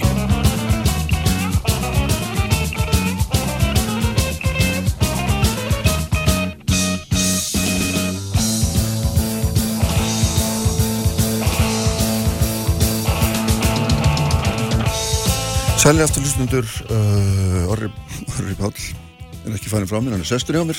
Ég ætla að segja hérna þeir væri farin frá mér Ketil Sigurjónsson og, og Geir Gumminsson og Þórtís Kolbún verður hér á eftir en þau eru sest hjá mér hins vegar Orri Páll Jónsson og nú er ég búin að rugglast að því hvort þú Jóhansson eða Jóhannesson Jóhansson Jóhansson, nefnulli hafa þetta rétt. Og Eva Högstóttir, lögmaður, sælu blessu bæði tvö. Uh, hérna velkomin, sko Eva hérna, aðeins að byrja þér til um þessar umræða grein sem þú skrifar um málfrelsi kennara og, og sem er svona vísar í ímsar átturöða og, og hérna um þetta hugtag, málfrelsi og tjáningafrelsi ímsa stjætta hvort að megi segja hvað sem er um hvert sem er og, og tala með tiltegnum hætti um minni hluta hópa og svo framvegis. Og hérna og þetta er alltaf eitt af því sem er svona er hvað mest rætt í samtímanu það er, það er tjáningafrelsið og þessi vók hugsunarháttur, hvað má segja og hvenar stuðar maður mann og hvenar stuðar maður ekki mann og, allt þetta sko og hérna en þú svona þér finnst uh, sko harkalega að tjáningafrelsinu vegið svo víða ekki satt, ég skildi þannig Það er harkalega vegið að tjáningafrelsinu víða mm. og nú hefur tjáningafrelsinu þetta ákveðnar takmarkanir sem Já. við e, rýfist þú að lítið um það er allir samanlega um það að það má ekki gefa hérna rángar upplýsingar um innihalsefni livja, bara svona sem gróft dæmi sko, mm. þetta er eitthvað sem er bara algjörlega hérna algjör samstað um í samfélaginu að, að slikt þarf að vera í lægi og þar er ekkert tjáningafrelsi sem við þurfum eitthvað að rífast um en, en hérna e, ástættingsteinarnir eru e, já það er til dæmis umræða um trúmál mm. uh, guðurlast og annað sem að hérna, við kemur trúmálum og það er um, umræða um uh, málefni minnilutahópa og það eru ærmiðingar þetta með málinn minnilegt að hópa það er oft sem að hérna, þar fer umræðan að snúast um það hvort að uh, hvort að fólk sé komið inn á hatursorðræðu. Mm -hmm. og það er þetta uh, ærumeðingar, hatursorðræða og guðlast sem að hérna, þar sem að menn rýfast um það hvar mörg tjáningafræðis liggja fyrst og fremst. En þetta líka einhverju hluta snýstut um skilgreiningu. Hver má skilgreina hvað og hvernig? Hvort maður, hvort maður eigin skilgreining á maður eigin lífi sé það sem ræður alltaf eða hvort einhver annar megi seilast inn í, inn í það ekki satt. Er þú úr þá vantilega að hugsa sérstaklega um málefni transfólks eða? Já, til dæmis, já, því þú nefnið þannig sérstaklega hinn í grein, sko. Já, já. En, en við getum, það var náttúrulega, í MeToo-bildingi byggir náttúrulega því, hver, á, hver hefur skilgreiningavaldið yfir ábeldi til dæmis, ekki satt? Og, og, og þegar við erum með slík, hérna, svona umdeilt efni í samfélaginu sem skipta máli fyrir líðræðislega umræðu þá tel ég að það sé mjög mikilvægt að alla rættir fái að heyrast og meðan við erum ekki að tala um eitthvað sem er beinlinis hatur þar sem er að hvetja til ofsókna, ofbeldis, mismunir eða eitthvað slíkt, mm -hmm. þá þarf auðvitað að setja slíku skorður, það má ekki, það má ekki ógna öryggi fólks en, en hérna sko þessi umræða um það um, til dæmis hvort að fólk er að fá skilgrann sitt eigi kyni eða hvað og hvernig ég þá að ganga frá því í ofnböru gögnum og í þjóðskrá þetta er bara umræða sem að hérna, þar sem að fleirin einn skoðun mm -hmm. er uh, upp á borðinu og góðu gild og má ræða. Mm -hmm. Hvernig horfur þetta við þér orði?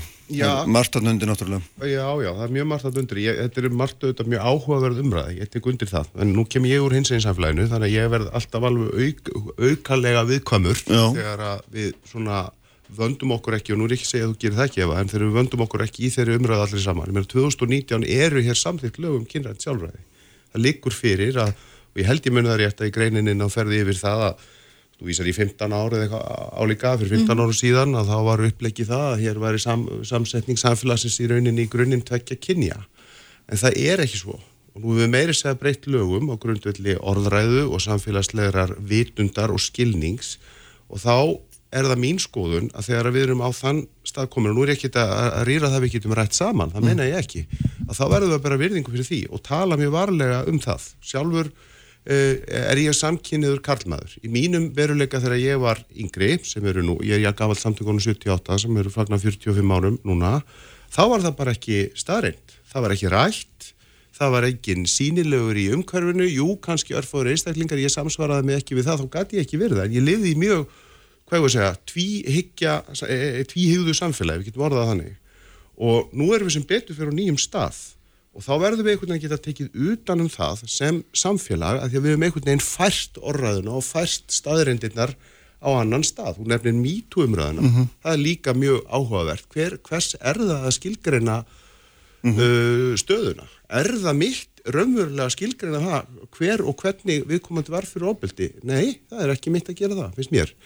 Þannig að þetta er, þetta er, þetta er vandasum lína en ég viðurkenni það líka að ég verð alltaf alveg augreitis viðkvæmur þegar kemur að málum hins einn fólks að því að það er við sannarlega með valda lítinn forréttindalauðsan hóp sem hefur sætt fordómum í gegnum tíðina og gerir einhverju leiti enn. Það er alveg rétt en það er ekki staðrind eða samfélagslega samstaða um það að fólk getur bara valið sér kyn. Það, það er ósamála. Það, það er, hérna, er almennur skil, skilningur í okkar samfélagi, ekki bara í okkar samfélagi, heldur í lang, lang flestum samfélögum manna frá, frá því að sko mannkynni var til að kynni séu tvö og það sé líffræðileg rauka bak við það, það sé fólk sé ímist með nálagt 50% mannkynsis er með tvo x-litninga, e, nálagt 50% mannkynsis er með x og ussulanlitning og e, það þýðir, það, það hefur för með sér ákveðin líkamlega enginni og lang, lang flestir skilja þetta þannig. Við spurjum enþá hérna, já hún er ólétt, er hún með strákaða stelpu? Við gerum almennt ráð fyrir því að það sé tvö kyn og það meiri sé gengi út frá því stjórnarskrá það er talað um karla og konur ekki fólk af öllum kynjum og svo hérna stjórnarskráin er alltaf allir gömul já já hún er gömul og óhefur en, en þetta er samt sem áður þetta er samt sem áður eitthvað sem við göngum venjulega út frá. Og fólk má hafa þá skoðun að kynin séu tvö. Hitt er svo annað mál að það er búið að taka upp lög sem að gefa fólki vald til þess að hérna, ákveða það að einhverju leiti sjálft eh, og til dæmis að velja, hérna, til dæmis að breyta nafni sín í samarmöðu það og allt það. En við erum til dæmis ekki komið þangað að hérna, lögin bjóðu upp á það að eh, manneski sem er fætt með tvo ekslitninga, er með leg, eh, er með eggjastokka og eignast barn sem er getið með því ekki að hún kalli sér móður, hún kalli sér foreldri en ekki, mó, nei, en ekki, ekki, ekki hérna segja föður, mm -hmm. hún má kalla sér foreldri en ekki föður, þannig að við erum ekkert komin alla leið með þetta, fólk getur bara sko hérna uh, ákveðið þetta sjálft. Og þetta er, þetta er umræðið sem að má bara fara fram í samfélaginu þó svo að einhversi viðkvæmi fyrir henni. Já, já, ég, og ég er ekki að segja, ég er ekki tilbúin að ræða þó ég sé augreitis við, viðkvæmur þegar kemur mm. á málöfnum hins eginn fólks. En þess að mm. ég er að segja, fyrir mér er þetta alveg skýrt. Lögum kynna sjálfur að 2019 hveða á um þennan rétti einstaklingin til þess að skilgreina kynsitt þess að kynsitt svo og kynvindundi njóti viðurkenningar. Og, og en það, það gerir hún það? ekki, hún gerir það ekki ef við efum stumða að kynin séu fleiri en tvö sko. þá, þá vil ég ekki meina að hún njóti viðurkenningar. Og þá, er, þá finnst mér við komin að dansa á einhverja línu um, um, um það að fara ekki alveg rétt að lögum. Og því get ég bara ekki, það ég get bara ekki sett mig við það. Fyrir auðvitað það að þetta eru Þannig hefur við átsýst að þróun, ég skil alveg vísir í stjórnarskrána, við vitum öll hér í þessu herbergi að það, því plaggir nú ekki breytt mjög öðurlega, en þetta er atriðið sem vantarlega tækir breytingum með okkur tækist að breyta stjórnarskrá, ekki satt? Erum við ósamála því? Nei, nei, við erum ekkert ósamála því og það er engin að segja, fólk með ekki bara skilgreina sitt kynsjálf. Þessi grein sem að þessi kennar á Akureyri skrifar, mm -hmm hún snýst um það hvort að samtök sem að hérna, bóða þessa hugmynd að fólk megi bara velja sér kyn eða eiga greiða, greiðan aðganga hérna, inn í skólana uh, og uh, hún lítur á það sem vanvirðu við börn sem er í einhvers konar sjálfsmyndakrísu að taka undir þar hugmyndir eða telja þeim trú um það að þau séu fætt í raungum líkama, hún tilur það að fara öðruvísi með þetta og hún má telja það. Mhm. Mm Já, bóða já. þessa hugmynd. Ég, já. Já, ég, mm -hmm. Þannig er ég aftur ósamálaðir, 45 ára réttunda mm -hmm. baróttu. Ég vil ekki meina það sé að bóða eitthvað fagnar er eins og trúarsöfnu sé að ræða sem að ég ber fulla verðingu fyrir þeim sem að vilja fylgja því. Ég hins vegar að því að þú tekur þetta sem dæmi og ég, ég las nú þessa grein og fylgist aðeins með umræði þessu, þessu samingi. Þú tókst þér ágættist dæmi af livsseðlum á þann.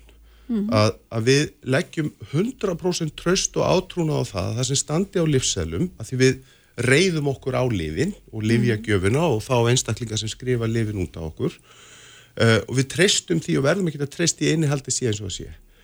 Sko, ég vil meina að þegar þú ert í skólaumhverfi staður þar sem að okkur er smalað saman á grunnskólinn er nú ekki einu í valkvæður það er leikskólinn raunar og framháskólinn þetta er grunnskólakennar í þessu tilvíð þá sem ég vilja ræða hana sérstaklega. Ég bara hugsa um umræði, umræði í grunnskólanum að þá ríkir líka ennþá meira tröst í garð þess sem á vegi okkar verður, ekki satt.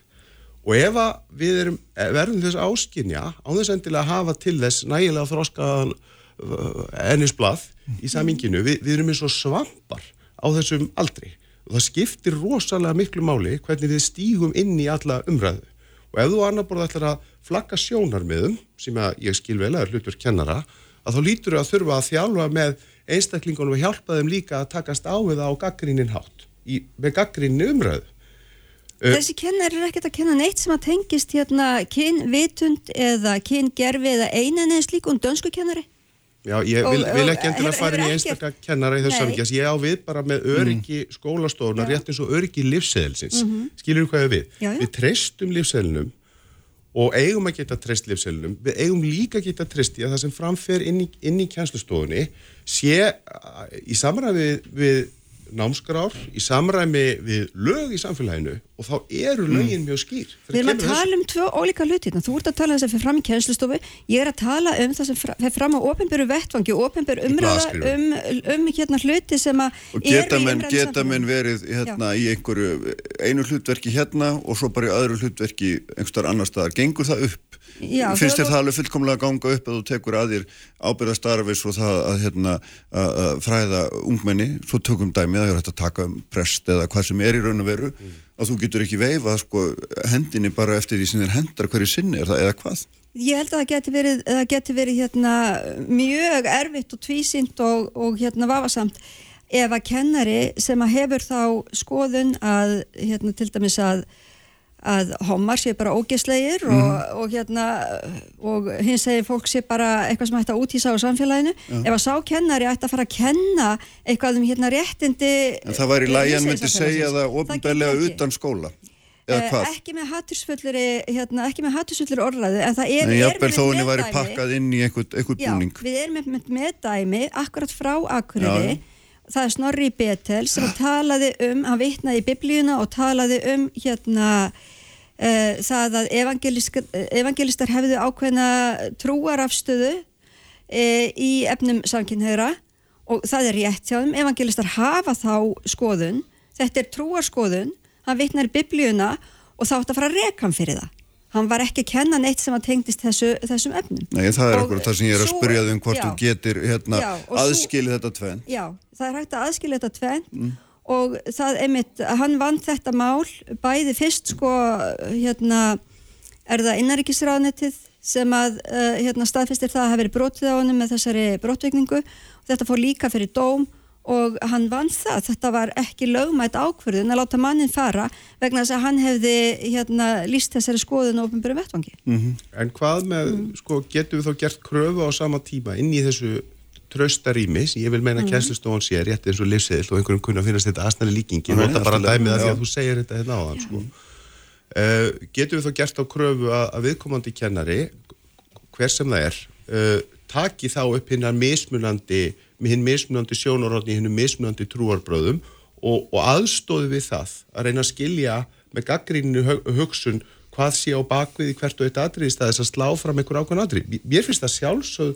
krafa ákennara í rými að það sé eins mikil breytt í samtalenu og hægt er. Ekki bara einhver einn skýr lína, ekki ekki að segja að kynin eru bara tvö. Kynin er ekki bara tvö. Ef hann, ef hann er að ræða það í kennslustofu, já, en uh, þessi dæmi, þessi tvö dæmi sem við erum með hérna, mm. en kennara sem að hérna, verða fyrir uh, því að vinnuveitundu er að telja uh, að, að vilja hérna, takmarka tjáningu þeirra ofnbæru vettvangi, þessir kennarar hafa bara ekkert verið í einu samtali við þessa nefndu sína um eitt eða neitt sem þessu tengist.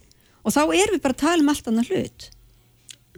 Ég skil ekki alveg gott við. Hins vegar er náttúrulega alveg stór skemmtilegt að ræða kennara á þess að vera með kennara hér. Það er náttúrulega Já, já, en það er nú bara, ég meina, þetta geti verið hvaða, raun og verið ofinbær starfsmæð sem er, þetta geti líka verið þingmaður, skilju, það er, eða prestur, eða, eða ég veit ekki hvað, þú veist, starfsmæður í raðuniti geti lendi í boppa og læknir geti mm. lendi í boppa og svo framvegis. Ég menna, þetta er ekki bara, þetta er bara tilfellin er bara þessi, sko.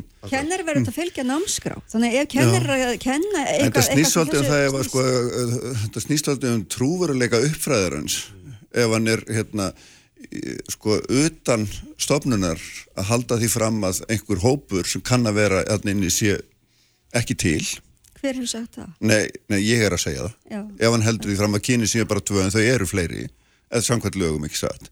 En hann heldur því fram að þau séu bara tvö. Það það stendur ekki í lögum að kynin séu mörg. Það, lög, er- Það hérna, stendur- það Þetta eru lögum lög. kynrætt Það sjálfræði. stendur réttur Já, einstaklega til að um skilgjana það. kyn sitt svo er að njóti viðurkenningar. Já, Já, er það að- ekki- já, það er það sem ég á við, Það þýðir ekki að kynin séu mörg, heldur það að það? upplifu manneskunar er viðkend. Það þýðir ekki að, að, uh, líffræðilegar eiginleikar eins og litningasamsetning sé eitthvað sem að bara skipti ekki máli og sé búið hendur út úr gluggan. Nei, ég var ekki Nei. svona að halda því fram heldur en lögin heimila greinlega fólki að. Lögin heimilega fólki til með sjálfu að gera það. Já, Eh, já, það er ekki, er það ekki rétt skilið? Jú, já. það, er ekki, það er ekki til dæmis fóreldrar geta til dæmis ekki ákveðið það að, eh, að barn sem að fæðist með tvo ekslitninga og kvennsköp að, að það verið drengur. Við erum ekki komið dæmis. kveða líka á um það að einstaklingar sem svo gera njóti viðurkenningar og þá er skildan líka Já. komin á mig og þig hér að, að þau njóti viðurkenningar sem slík. Þannig að þetta er ekki bara svo að, að þetta geti verið í ykkur, ykkur flæði og þegar uppi staði erum við samt sem að það bara með tökinn. Ég bara get ekki skilið lögjöfun þannig að ég veit að hugmyndin í framsetningun á henni og því að ná þessum ná þessum atriðum fram á grundvelli samfélagslega samtals og meðal annars orðræðu í hinsegin samfélaginu sem betur fyrr hefur, hefur réttastaða hinsegin fólk styrkt og verulega. Við sáum byrtingamenn þess á svo hullu regnbókorti í vikunni þar sem að við hækkum um, um sæti og það eru þá í Evrópu þau lönd sem, a, sem að hafa tryggt réttastöðu hinsegin fólks. Mér finnst það, ég er nú ekki mikil íþróttumæður en ég verður mikil keppnismannski þegar það kemur að þessu en það er líka minn grunnur kemur úr þessu og ég ítrykka og þess að ég sagði hér áðan, ég verði alveg ekstra viðkvæmur gagvart þessu uh, öllu tali sem kemur að hins eginn samfélaginu vegna þess að þetta er sannarlega hópur sem hefur og einhver leiti ennþá sætir fordómum og útskúfun í samfélaginu En finnst þér vangaveltur um þetta sem sagt, þegar einhver sem bara láta líka mitt til hluta hver það er fer að velta þessu fyrir sér og, og, og, og hérna skrifum það greinar að kyni séu raun og veru bara tvö finnst þér það þá einhvern veginn særandi eða meðandi eða, eða finnst þér það eh, ósæmilegt eða við komum þetta að halda sér saman Nei, Mér, meina- finn, mér finnst það trublandi, svo ég segi það, Já. það trublar mig, sér í lagi þegar að ég tel okkur vera komin á nýjan stað í þessar umræðu. Mhm. Mér finnst þetta að einhverju leiti svona aftur á bakk umræða, ég verð að segja eins og er, að því að ég held við værum komin á annan stað í umræðunni, en ég ger mér líka grein fyrir því að réttindabarátta færist, getur færst til og það þarf að standa vörðum þú erum vilja, vilja hamla einhvern veginn tjáningu þá eða, eða ertu að tala fyrir því? eða? Nei, ég er ekki að tala fyrir því að við hömlum tjáningunni, en við verðum þó að halda til haga að mínum mati þeirri stöðu sem uppi er og við vitum og er núna læst inn í lögum. Það er alveg rétt sem við hefum að segja með stjórnarskrána, en við vitum líka að stjórnarskráin er gamalt plagg, byggjur á gamlum grunni sem að, að okkur gengur ekkit of rætt og, og öðurlega að breyta. En við vitum það líka að þó að lög hafi verið sett, það er alltaf verið að breyta lögum, að þá er það ekki endilega einhver endalögu sannleikur, þá má gagnrýna lög. Það er bara máli okkar samfélagi og orðið er mjög viðkvæm fyrir þessari umræðu. Ég er alveg ofbóslega viðkvæm fyrir umræðu um það að það er að hérna, hefta tjáningafrelsi. Ég verð bara alveg brjáluð yfir því inni í mér og ég bara, hérna, ég verð alveg ofbóslega móðguð og mér líður alveg ræðilega illi við því ef einhver allar takmarka tjáningafrelsi. En orðið má samt alveg hafa þá skoðun að það eigi að takmarka tjáningafrelsi og ég verð bara að lifa með þessari vanliðan minni. Og það er alveg eins með orra, hann verður bara að lifa með því þó að það særi hann að fólk hafa aðra skoðun heldur en hann. En við gerum það augljóslega bæði. Já, já, við, við bara lifum með Þú þessu. þitt og Ég og með þú. og það er allt í lagi Já. en sko, og ég, ég líti ekki svo á að neyta því sem þú skrifaðir í þinni greinum daginn sé beilinnis særandi, nú er ég bara að segja hvað Já. ég er að koma í þessar umræðu og við deilum því alveg tjáningafrelsið er mjög mikilvægt í líðræðis samfélagi, það er það en það lítur að vera svo líka að línurnar færast og breytast að því gefnu ekki satt það gerist á grundvelli umræðu og samtals. Það gerir það, gerir það nefnilega, það, það, einmitt. það gerir það, en við verðum eins og vera líka gæta því hvernig við stígum niður til jarðar, ekki satt. Nú er fórsættisráð þeirra til að mynda með aðgera áallun uh, gegn hatusóraði í umræðu fyrir þinginu sem er mjög áhugavert að fylgjast með og fylgjast með umsögnum sem þar er af því að hér var talað um, um áðan embættismenn og eða kjörna fulltrúa. Það eru alþingismenn ekki undir. Ég grýndi það til að mynda í, í ræðu, þeir eru ekki undir í samhengi þess sem hefur verið kallað netnámskeið í þessum málum, að því ég tilvíst að það stuðli að aukinu umræðu og auknum skilningi um það hvernig við komum okkur saman um að hegðu okkur í, í orræðu í samfélaginu. Þannig að ég nú vona að ná fram breytinga til á því að alþingismenn fara undir þetta ákvæði líka. svo ég takk í sinn dæmi að það er ekki sama hvað við segjum og hvernig við hefðum okkur. Umræð er alltaf einu góða en við verðum að gæta þess hversu löngt við fyrum og þegar við tölum um að kynin séu bara tvö þá það, það tryggur að mér svo ég leiði mér að sleppa. Já, en það er bara svolítið þannig líka þegar fólk segir þetta umræðir af hennu góða en það er enda bara ef hún er sko svona eða svona, já, stilt já, af svona eða svona. Já, þú ert raun og verið að segja það vegna þess að hérna, þú ert raun og verið að segja það að það má bara segja þetta og þetta. Já, ég tók dæmið þetta með kynin, tvö kyn. Já, já, já, en það, það er náttúrulega, þetta, er kjarnimáls í þessu núttíma vóksamfélagi að það er alltaf lægi ræða allt, bara ekki nota þetta orð eða tala svona um þennan. Já, og einhver skiptir... ætlar ákveða það sjálfur, ég meina, þú veist, já. En það skiptir líka máli, sko, hérna, það hvort þá hefur almennt einhverja skoðun og, hérna, og tjáir hana og svo það hvernig þú kemur fram við einstaklinga, það getur verið bara tölverið munur á því.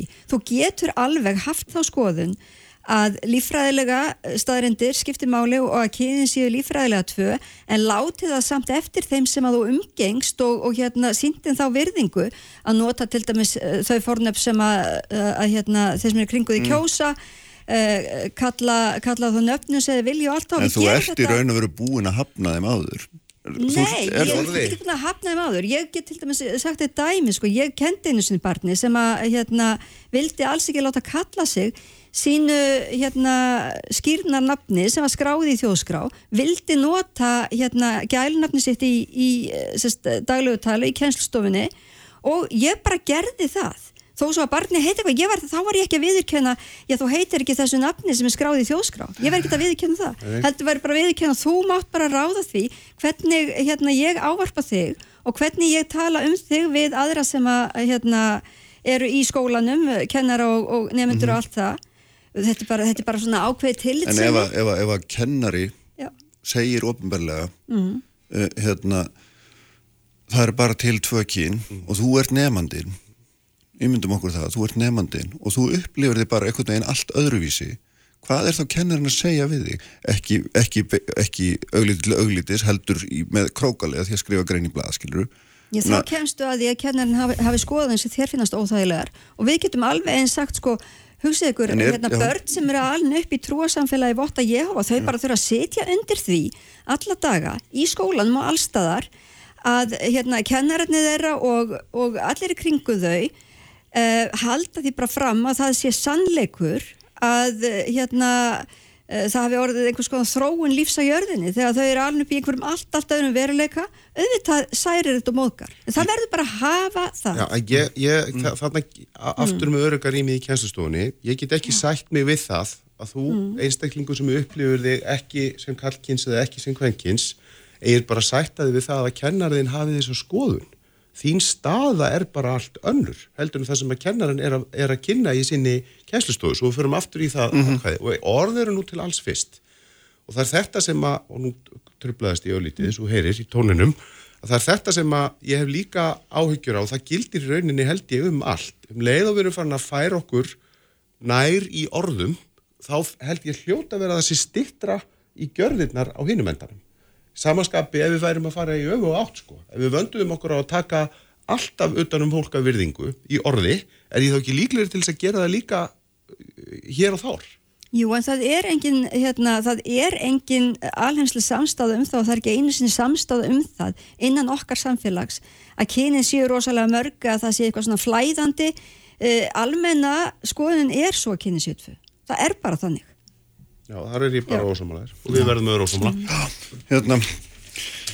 En getum blessunulega tjá Já, það. er bara, hérna, gott, þetta var bara síflýsir og góður með það. Hérna, Takk og báðum fyrir að koma. Og Þórtís Kolbrún Reykjörgil og Dóttur Uttaníksáður er hérna eftir ögnblikum Sprengisandur Alla sunnudaga á Bilgjan er með þér allan daginn. Sprengisandur Alla sunnudaga á Bilgjunni Sælustundur aftur, uh, þau eru fann frá mér uh, Eva Hagstóttir og Orri Páll Jónsson uh, en sestir hjá mér Þórdís Kolbrún Reykjavík Gilvardóttir sem er þetta auðvitaðningsráð þeirra, særa blessuð, velkomin. Sæl, takk fyrir. Stendum ekki til þér og þínu fólki.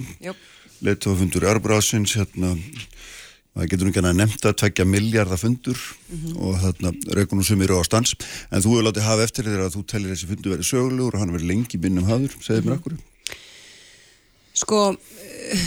Í fyrsta lagi vegna þess að við erum að kalla saman uh, þjóðarleðtoga allra þjóða sem er halda Európaráðinu og, og mætingin er framar okkar björnustu vonum, það eru næstu því allir að koma og ég mm. til það yfirlýsingu í sjálfu sér mm.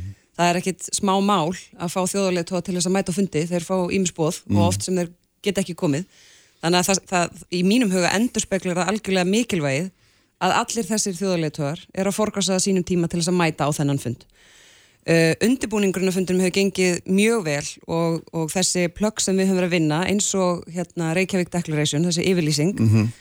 er sko, hún er efnismikil, hún er auðvita, auðvita þarf að semja við alla þannig að er, hún er ekki nákvæmlega eins og við hefum viljað hafa hana Nei. en það er ekki okkar fundur, þetta er fundur Európa Rásins uh, en þar eru einfallega atriði sem að ég tel að skipti gríðarlega miklu máli að segja hátt og skýrt og þjóðarleituar allra þessara landa skuldbindi sig til þess að kvitt undir og vinna eftir. Mm -hmm. Ég held að Reykjavík Declaration verði svona yfirlýsing sem verður vísa til e, í langan tíma. Máttu segja mér hvað það nákvæmlega þú ætti að vísa í það? E, sko, e, ekki öllu leiti en, en hérna þar náttúrulega eru málefni sem snerta Úkrænum með beinum og óbunum hætti mjög fyrirferðar mikil. Um, það er þessi skuldbinding þjóðarleitua að standa vörðum þau gildi sem Evróparáði var auðvitað búið til til þess að standa vörðum. Mm.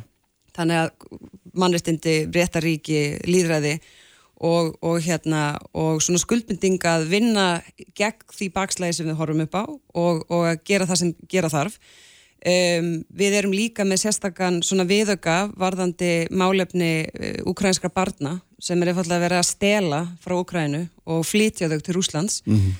ætlaðu þau ólöglega og, og hrifsa frá þeim sín, sín grundvallar réttindi um, tjónaskráin sem er fyrsta lagalega bindandi ákverðunin um að í því að draga rúsa til ábyrðar fyrir það sem að gera uh, tel ég gríðarlega mikilvæga og mun sko snerta fólk í Úkrænu með beinumhætti gefa skýra, skýr skilaboð uh, og er hérna sko fælst í því að það er hægt að skrá í raun allt tjón, hvort sem það er eignatjón, manntjón um, og í framhaldinu útbúa svona eitthvað mekanisma til þess að, að greiða bætur fyrir það. Eh, sem að hver á að greiða já, það, sko við erum að, tjónaskáin er það sem við erum búin að útbúa mm -hmm. búin að taka fyrstu skrefin og verður undirrita á fundunum e, bóta skildan er, er það sem að á eftir að klára vinna. Og það eru þetta ímsa leiðir hafa verið nefndar í því. Menna, það er talað um hérna fristar eignir og annað slikt sem er lagalega gríðarlega flóki Því að Euróbráði hefur enga lögsu yfir úrsum Nei og, og, og auðvitað er það og líka Og enginn tæki til þess að ná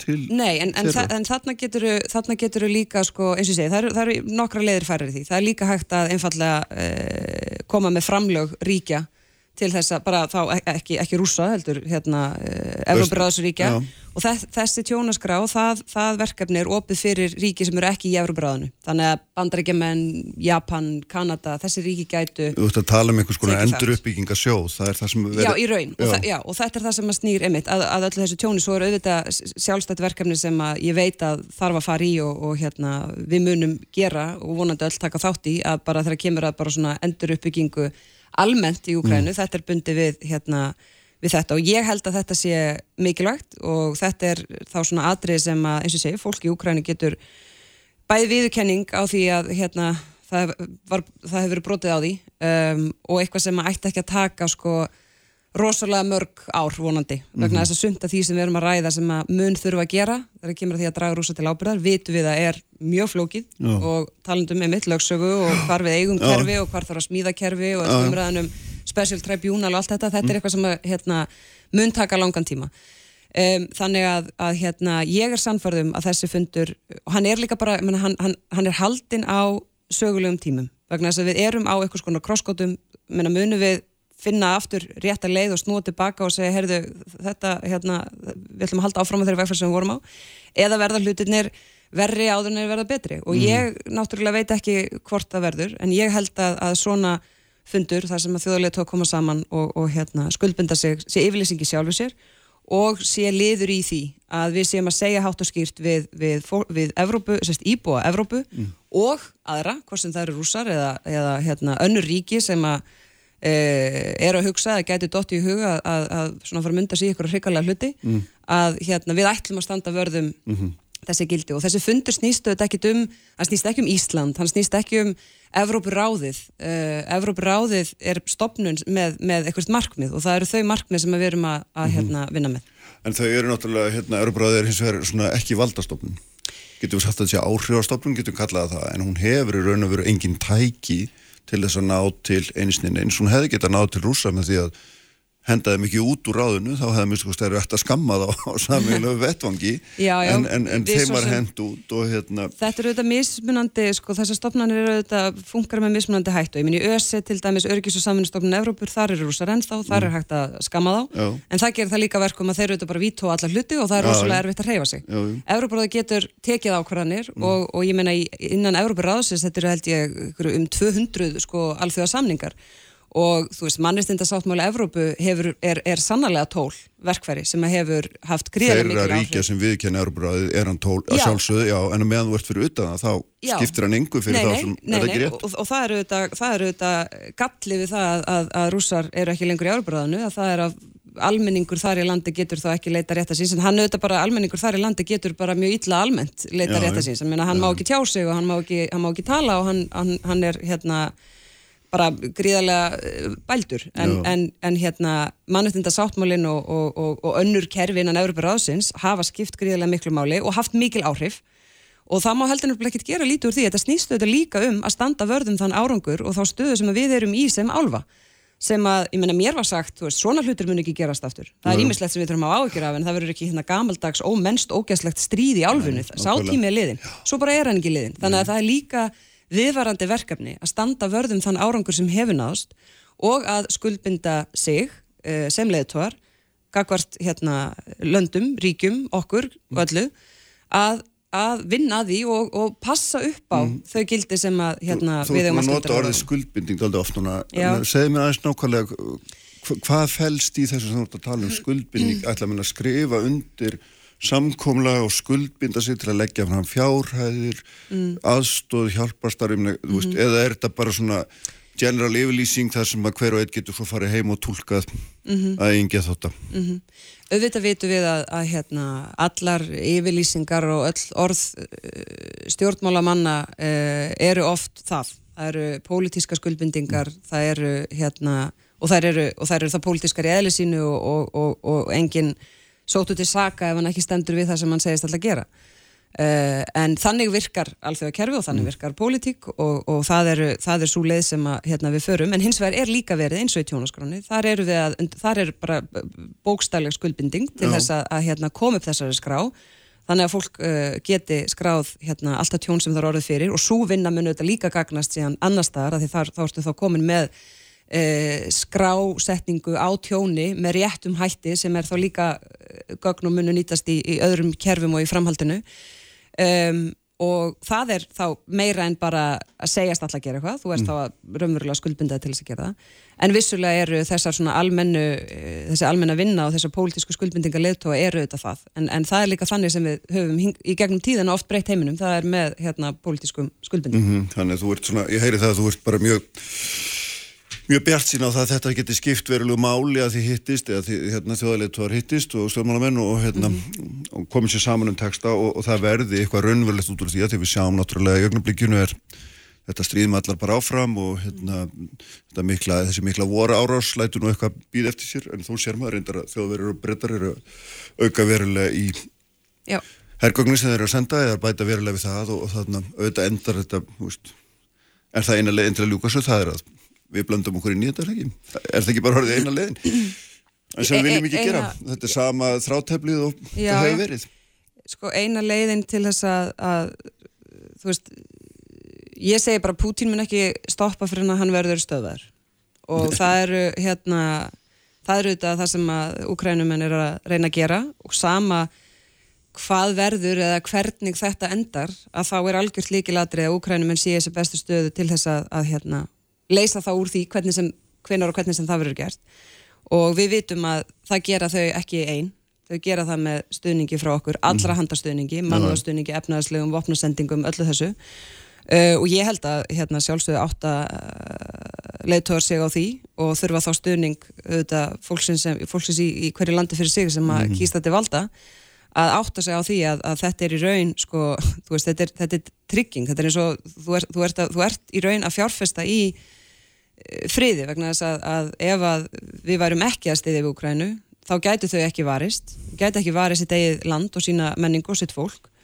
Og, og það myndi þá ekki stöðvast þar og það þarf að, það þarf að gefa það skýrt út að, að hérna, svona verð ekki liðið. Og við auðvitað erum ekki að taka beinan þátt innan landamæra en nei, við erum að ganga að öðru leiti bara eins langt og, og hérna við getum já, já, og, og, og ég held að þetta sé ég það, ég held að sé fáir sem að þrá frið og frelsi jafn mikið og þau sem eru að byggja upp til þess að mm, verjast mm. Hvað finnst þér svona, því þú, nú, nú er þetta, nú er þetta hérna Nú höfum við þetta séð afle afleðingar hérna, já, við getum kallað afleðingar, finnar og svíjar uh, að mm -hmm. gangi NATO og hérna, og ég meina það er mikil svona stöðningu við Európa-samansaðeld á Íslandi allt í unn og ég meina Európa-þjóðir hafa alltaf verið að þjálpa sér mjög mikið saman mm. út um allt finnst þér, hérna, hefur þetta breytt minni heimsmynd eitthvað?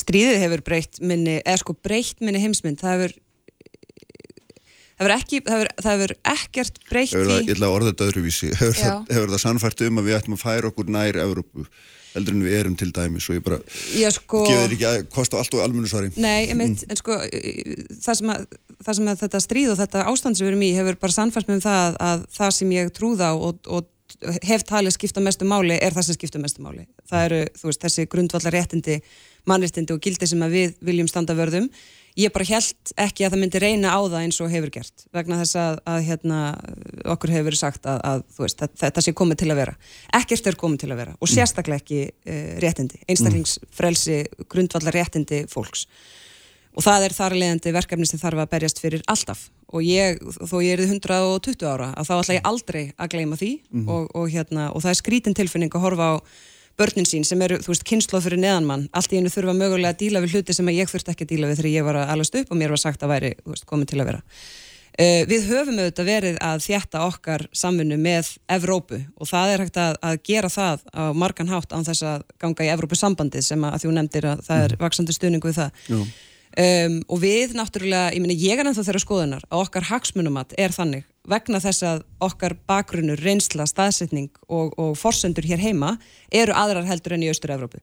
Ef að ég væri utaríkisáþurra í Austur-Eurósku landi, þá myndi þetta hagsmunum að horfa allt öðru sem við mér. Mm. Og ég hef öðlast svona, kannski, ég hef annan skilning, uh, dýpri skilning á því hvers vegna þessi ríki, þessi fyrrum sem að Sovjetríkinn tókuðu bara einfallega yfir, börðust fyrir hérna, umbótum innan sínslands og vildu feta þann veg sem við höfum bara getað svo litið fengið að vera í uh, um, um langar hríð og Evroparáði hjálpaði þeim nú við það umbætur eftir kommunismann og svo framvegis sem síðan gerði þeim kleifta mm. gangin í Evropasambandi ég skil þeirra hagsmunum að vel, mm. þau líta svo á að það sé leið til þess að tryggja stöðuleika og frið fyrir sig að tilheyra álfinni einhvern veginn og, og vera í þessu, þessu allra þéttasta uh, sambandi í gegnum Evropasambandi ég er þeirra skoðunar að, að það þurfum við ekki að við mm. þurfum ekki að, að hérna fara í gegnum allar þar málamilanir og, og, og setja hérna, okkar til að mynda sjáurútuskerfi einhvern veginn inn í eitthvað annað fyrirkomulag og þessir þættir sem við höfum oft rætt. En ég hef lagt mjög upp úr því að vinna þjætt og náið með uh, Evrópu almennt, mm -hmm. Evrópu ríkjum, Evrópu sambandinu. Það gerum við auðvitað gegnum EES-samningin en við höfum líka tekið þátt í, í hérna, viðskiptaþengunum. Ég hef átt uh, alls konar fund og það auðvitað áttu auðvitað undan mér líka. Uh, en ég sé, sko, hagur okkar er að Európa-sambandinu gangi vel þótt, þótt, þótt ég vil ekki vera þar innan mm -hmm. þá vil ég þeim gangi vel vegna þess að það er betra fyrir okkur. Þessi, þessi atbúrðar ás hún hefur ekkert og all þessi kynni sem þú har haft að þessir atbúrðar ás í svona miklu návi eins og hérna þú nýttu þeirra fornindað sem við þannig ekki sáþröðu þetta fá að vera ekkert með með nefið onni þessu og líkt okkur hinnum mm -hmm. en hún hefur ekkert breytt í afstöðu hvað þetta varðar. Hún hefur ekki breytt þeirra svona grundvallarspurningu mm. þú veist, telur þú hagsmunum Íslands betur borgið innan Evrópusambandsins? Ég er ennþá þeirra skoðan að mm. okkur sé betur borgið hérna utan. Eh, en, en auðvitað hefur maður dýbri og meiri skilning á Evrópussambandinu og mér hefur fundist þess að þú segir, ég menna Evrópussambandið fann svolítið svona hjarsláttin sinn einhvern veginn aftur sko. Veist, það, það var svona áminning byrju, út af hverju, þetta var auðvitað sambandið var þetta búið til upp úr Upphálega, já, já, sem spandalega þannig séð Já, og svo var það svona auðvitað orðið mjög bjúrokratist og, og, og nefn farið að setja alls konar mál á borðið sem að maður hugsaði, þú veist, vil ég ekki bara fókusa á aðra hluti, mér finnst þú hafa svolítið já. gert það. Eh, en auðvitað er þetta líka mjög flókið samband, ég meina að það er, þú veist, þú ert með, það er, getur beitt neitunarvaldir svona í ákveðnum hérna atriðum og þú ert með ungverðarland þarna sem er svona áskorun, já, já, þú veist, en, en hérna... Já, það er alltaf mjög merkild að þeir eru að tala um, um mannréttind og líðræði í Európaráðinu, að það eru með þess að sum ríki í Európu þannig sem eru Ekki barnana best í því? Nei, nei, og, þa og það, er, það er alltaf þá líka spurningin sko, uh, og varu þetta svo sem rætt þegar hérna, rússar voru svona de facto látnir fara um, sko, hvar eru þólmörkin mm. hversu, hversu langt geta ríki farið frá þessum gildum sem þau hafa sjálf skuldbundið til þess að standa vörðum um, og hvenar er betra að hafa ríkin veist, inn í tjaldunni eða, eða ja, utan sko. ja. og endanum hugsaðu hvað er, hvað er þá hvort er betra fyrir íbúa þessara ríkja að geta að minnstakosti átt hennan rétt og leita rétt að sérs og, og, og svo framvegs og hvenar segir þau, nú þarfst þú að svara því sko, allar að vera, ertu að skuldbindaði til þess að, að standa vörðum þessi mm. gildi eða, eða ekki sko já, já. og það eru þetta á viðum einstaka ríki sem innan Európa Ráðsins þar sem mm. þetta hefur komið til tals Herru, það er hérna eins og svo leiðilt er það tímum búin Já Þarna, en þetta verður frólægt að sjá hvernig þessu vindur öllu fram. Já. og hérna hvort þú kemur öllum þínum hástöndum markmiðum í gegnum þennan lilla fund sem allra halda. Já. og því stöldurnar tvær eru því eru gæst í ár. Þetta er allt náttúrulega, það, ég menna það er gagnafundunum og það er það sem að hérna, Ukrænum er sjálfur segja. Og ef, að, ef að þau trú á því að, að, að svo sé þá held ég að það sé eitthvað sem við ættum að hlusta Ljómandi, bestu þakki fyrir að koma. Takk Við látum sprengisandir um loki í dag. Uh, ég veit að við haldum svona stýrið í útsendingu eins og hann gerir alltaf uh, allt efni, bilgjum.is, vísi.is, hvar veitum þess að þið finnir hlaðvar, svo í bilgju appinu auðvitað og svo erum við með ykkur aftur eftir viku. Við erum sæl.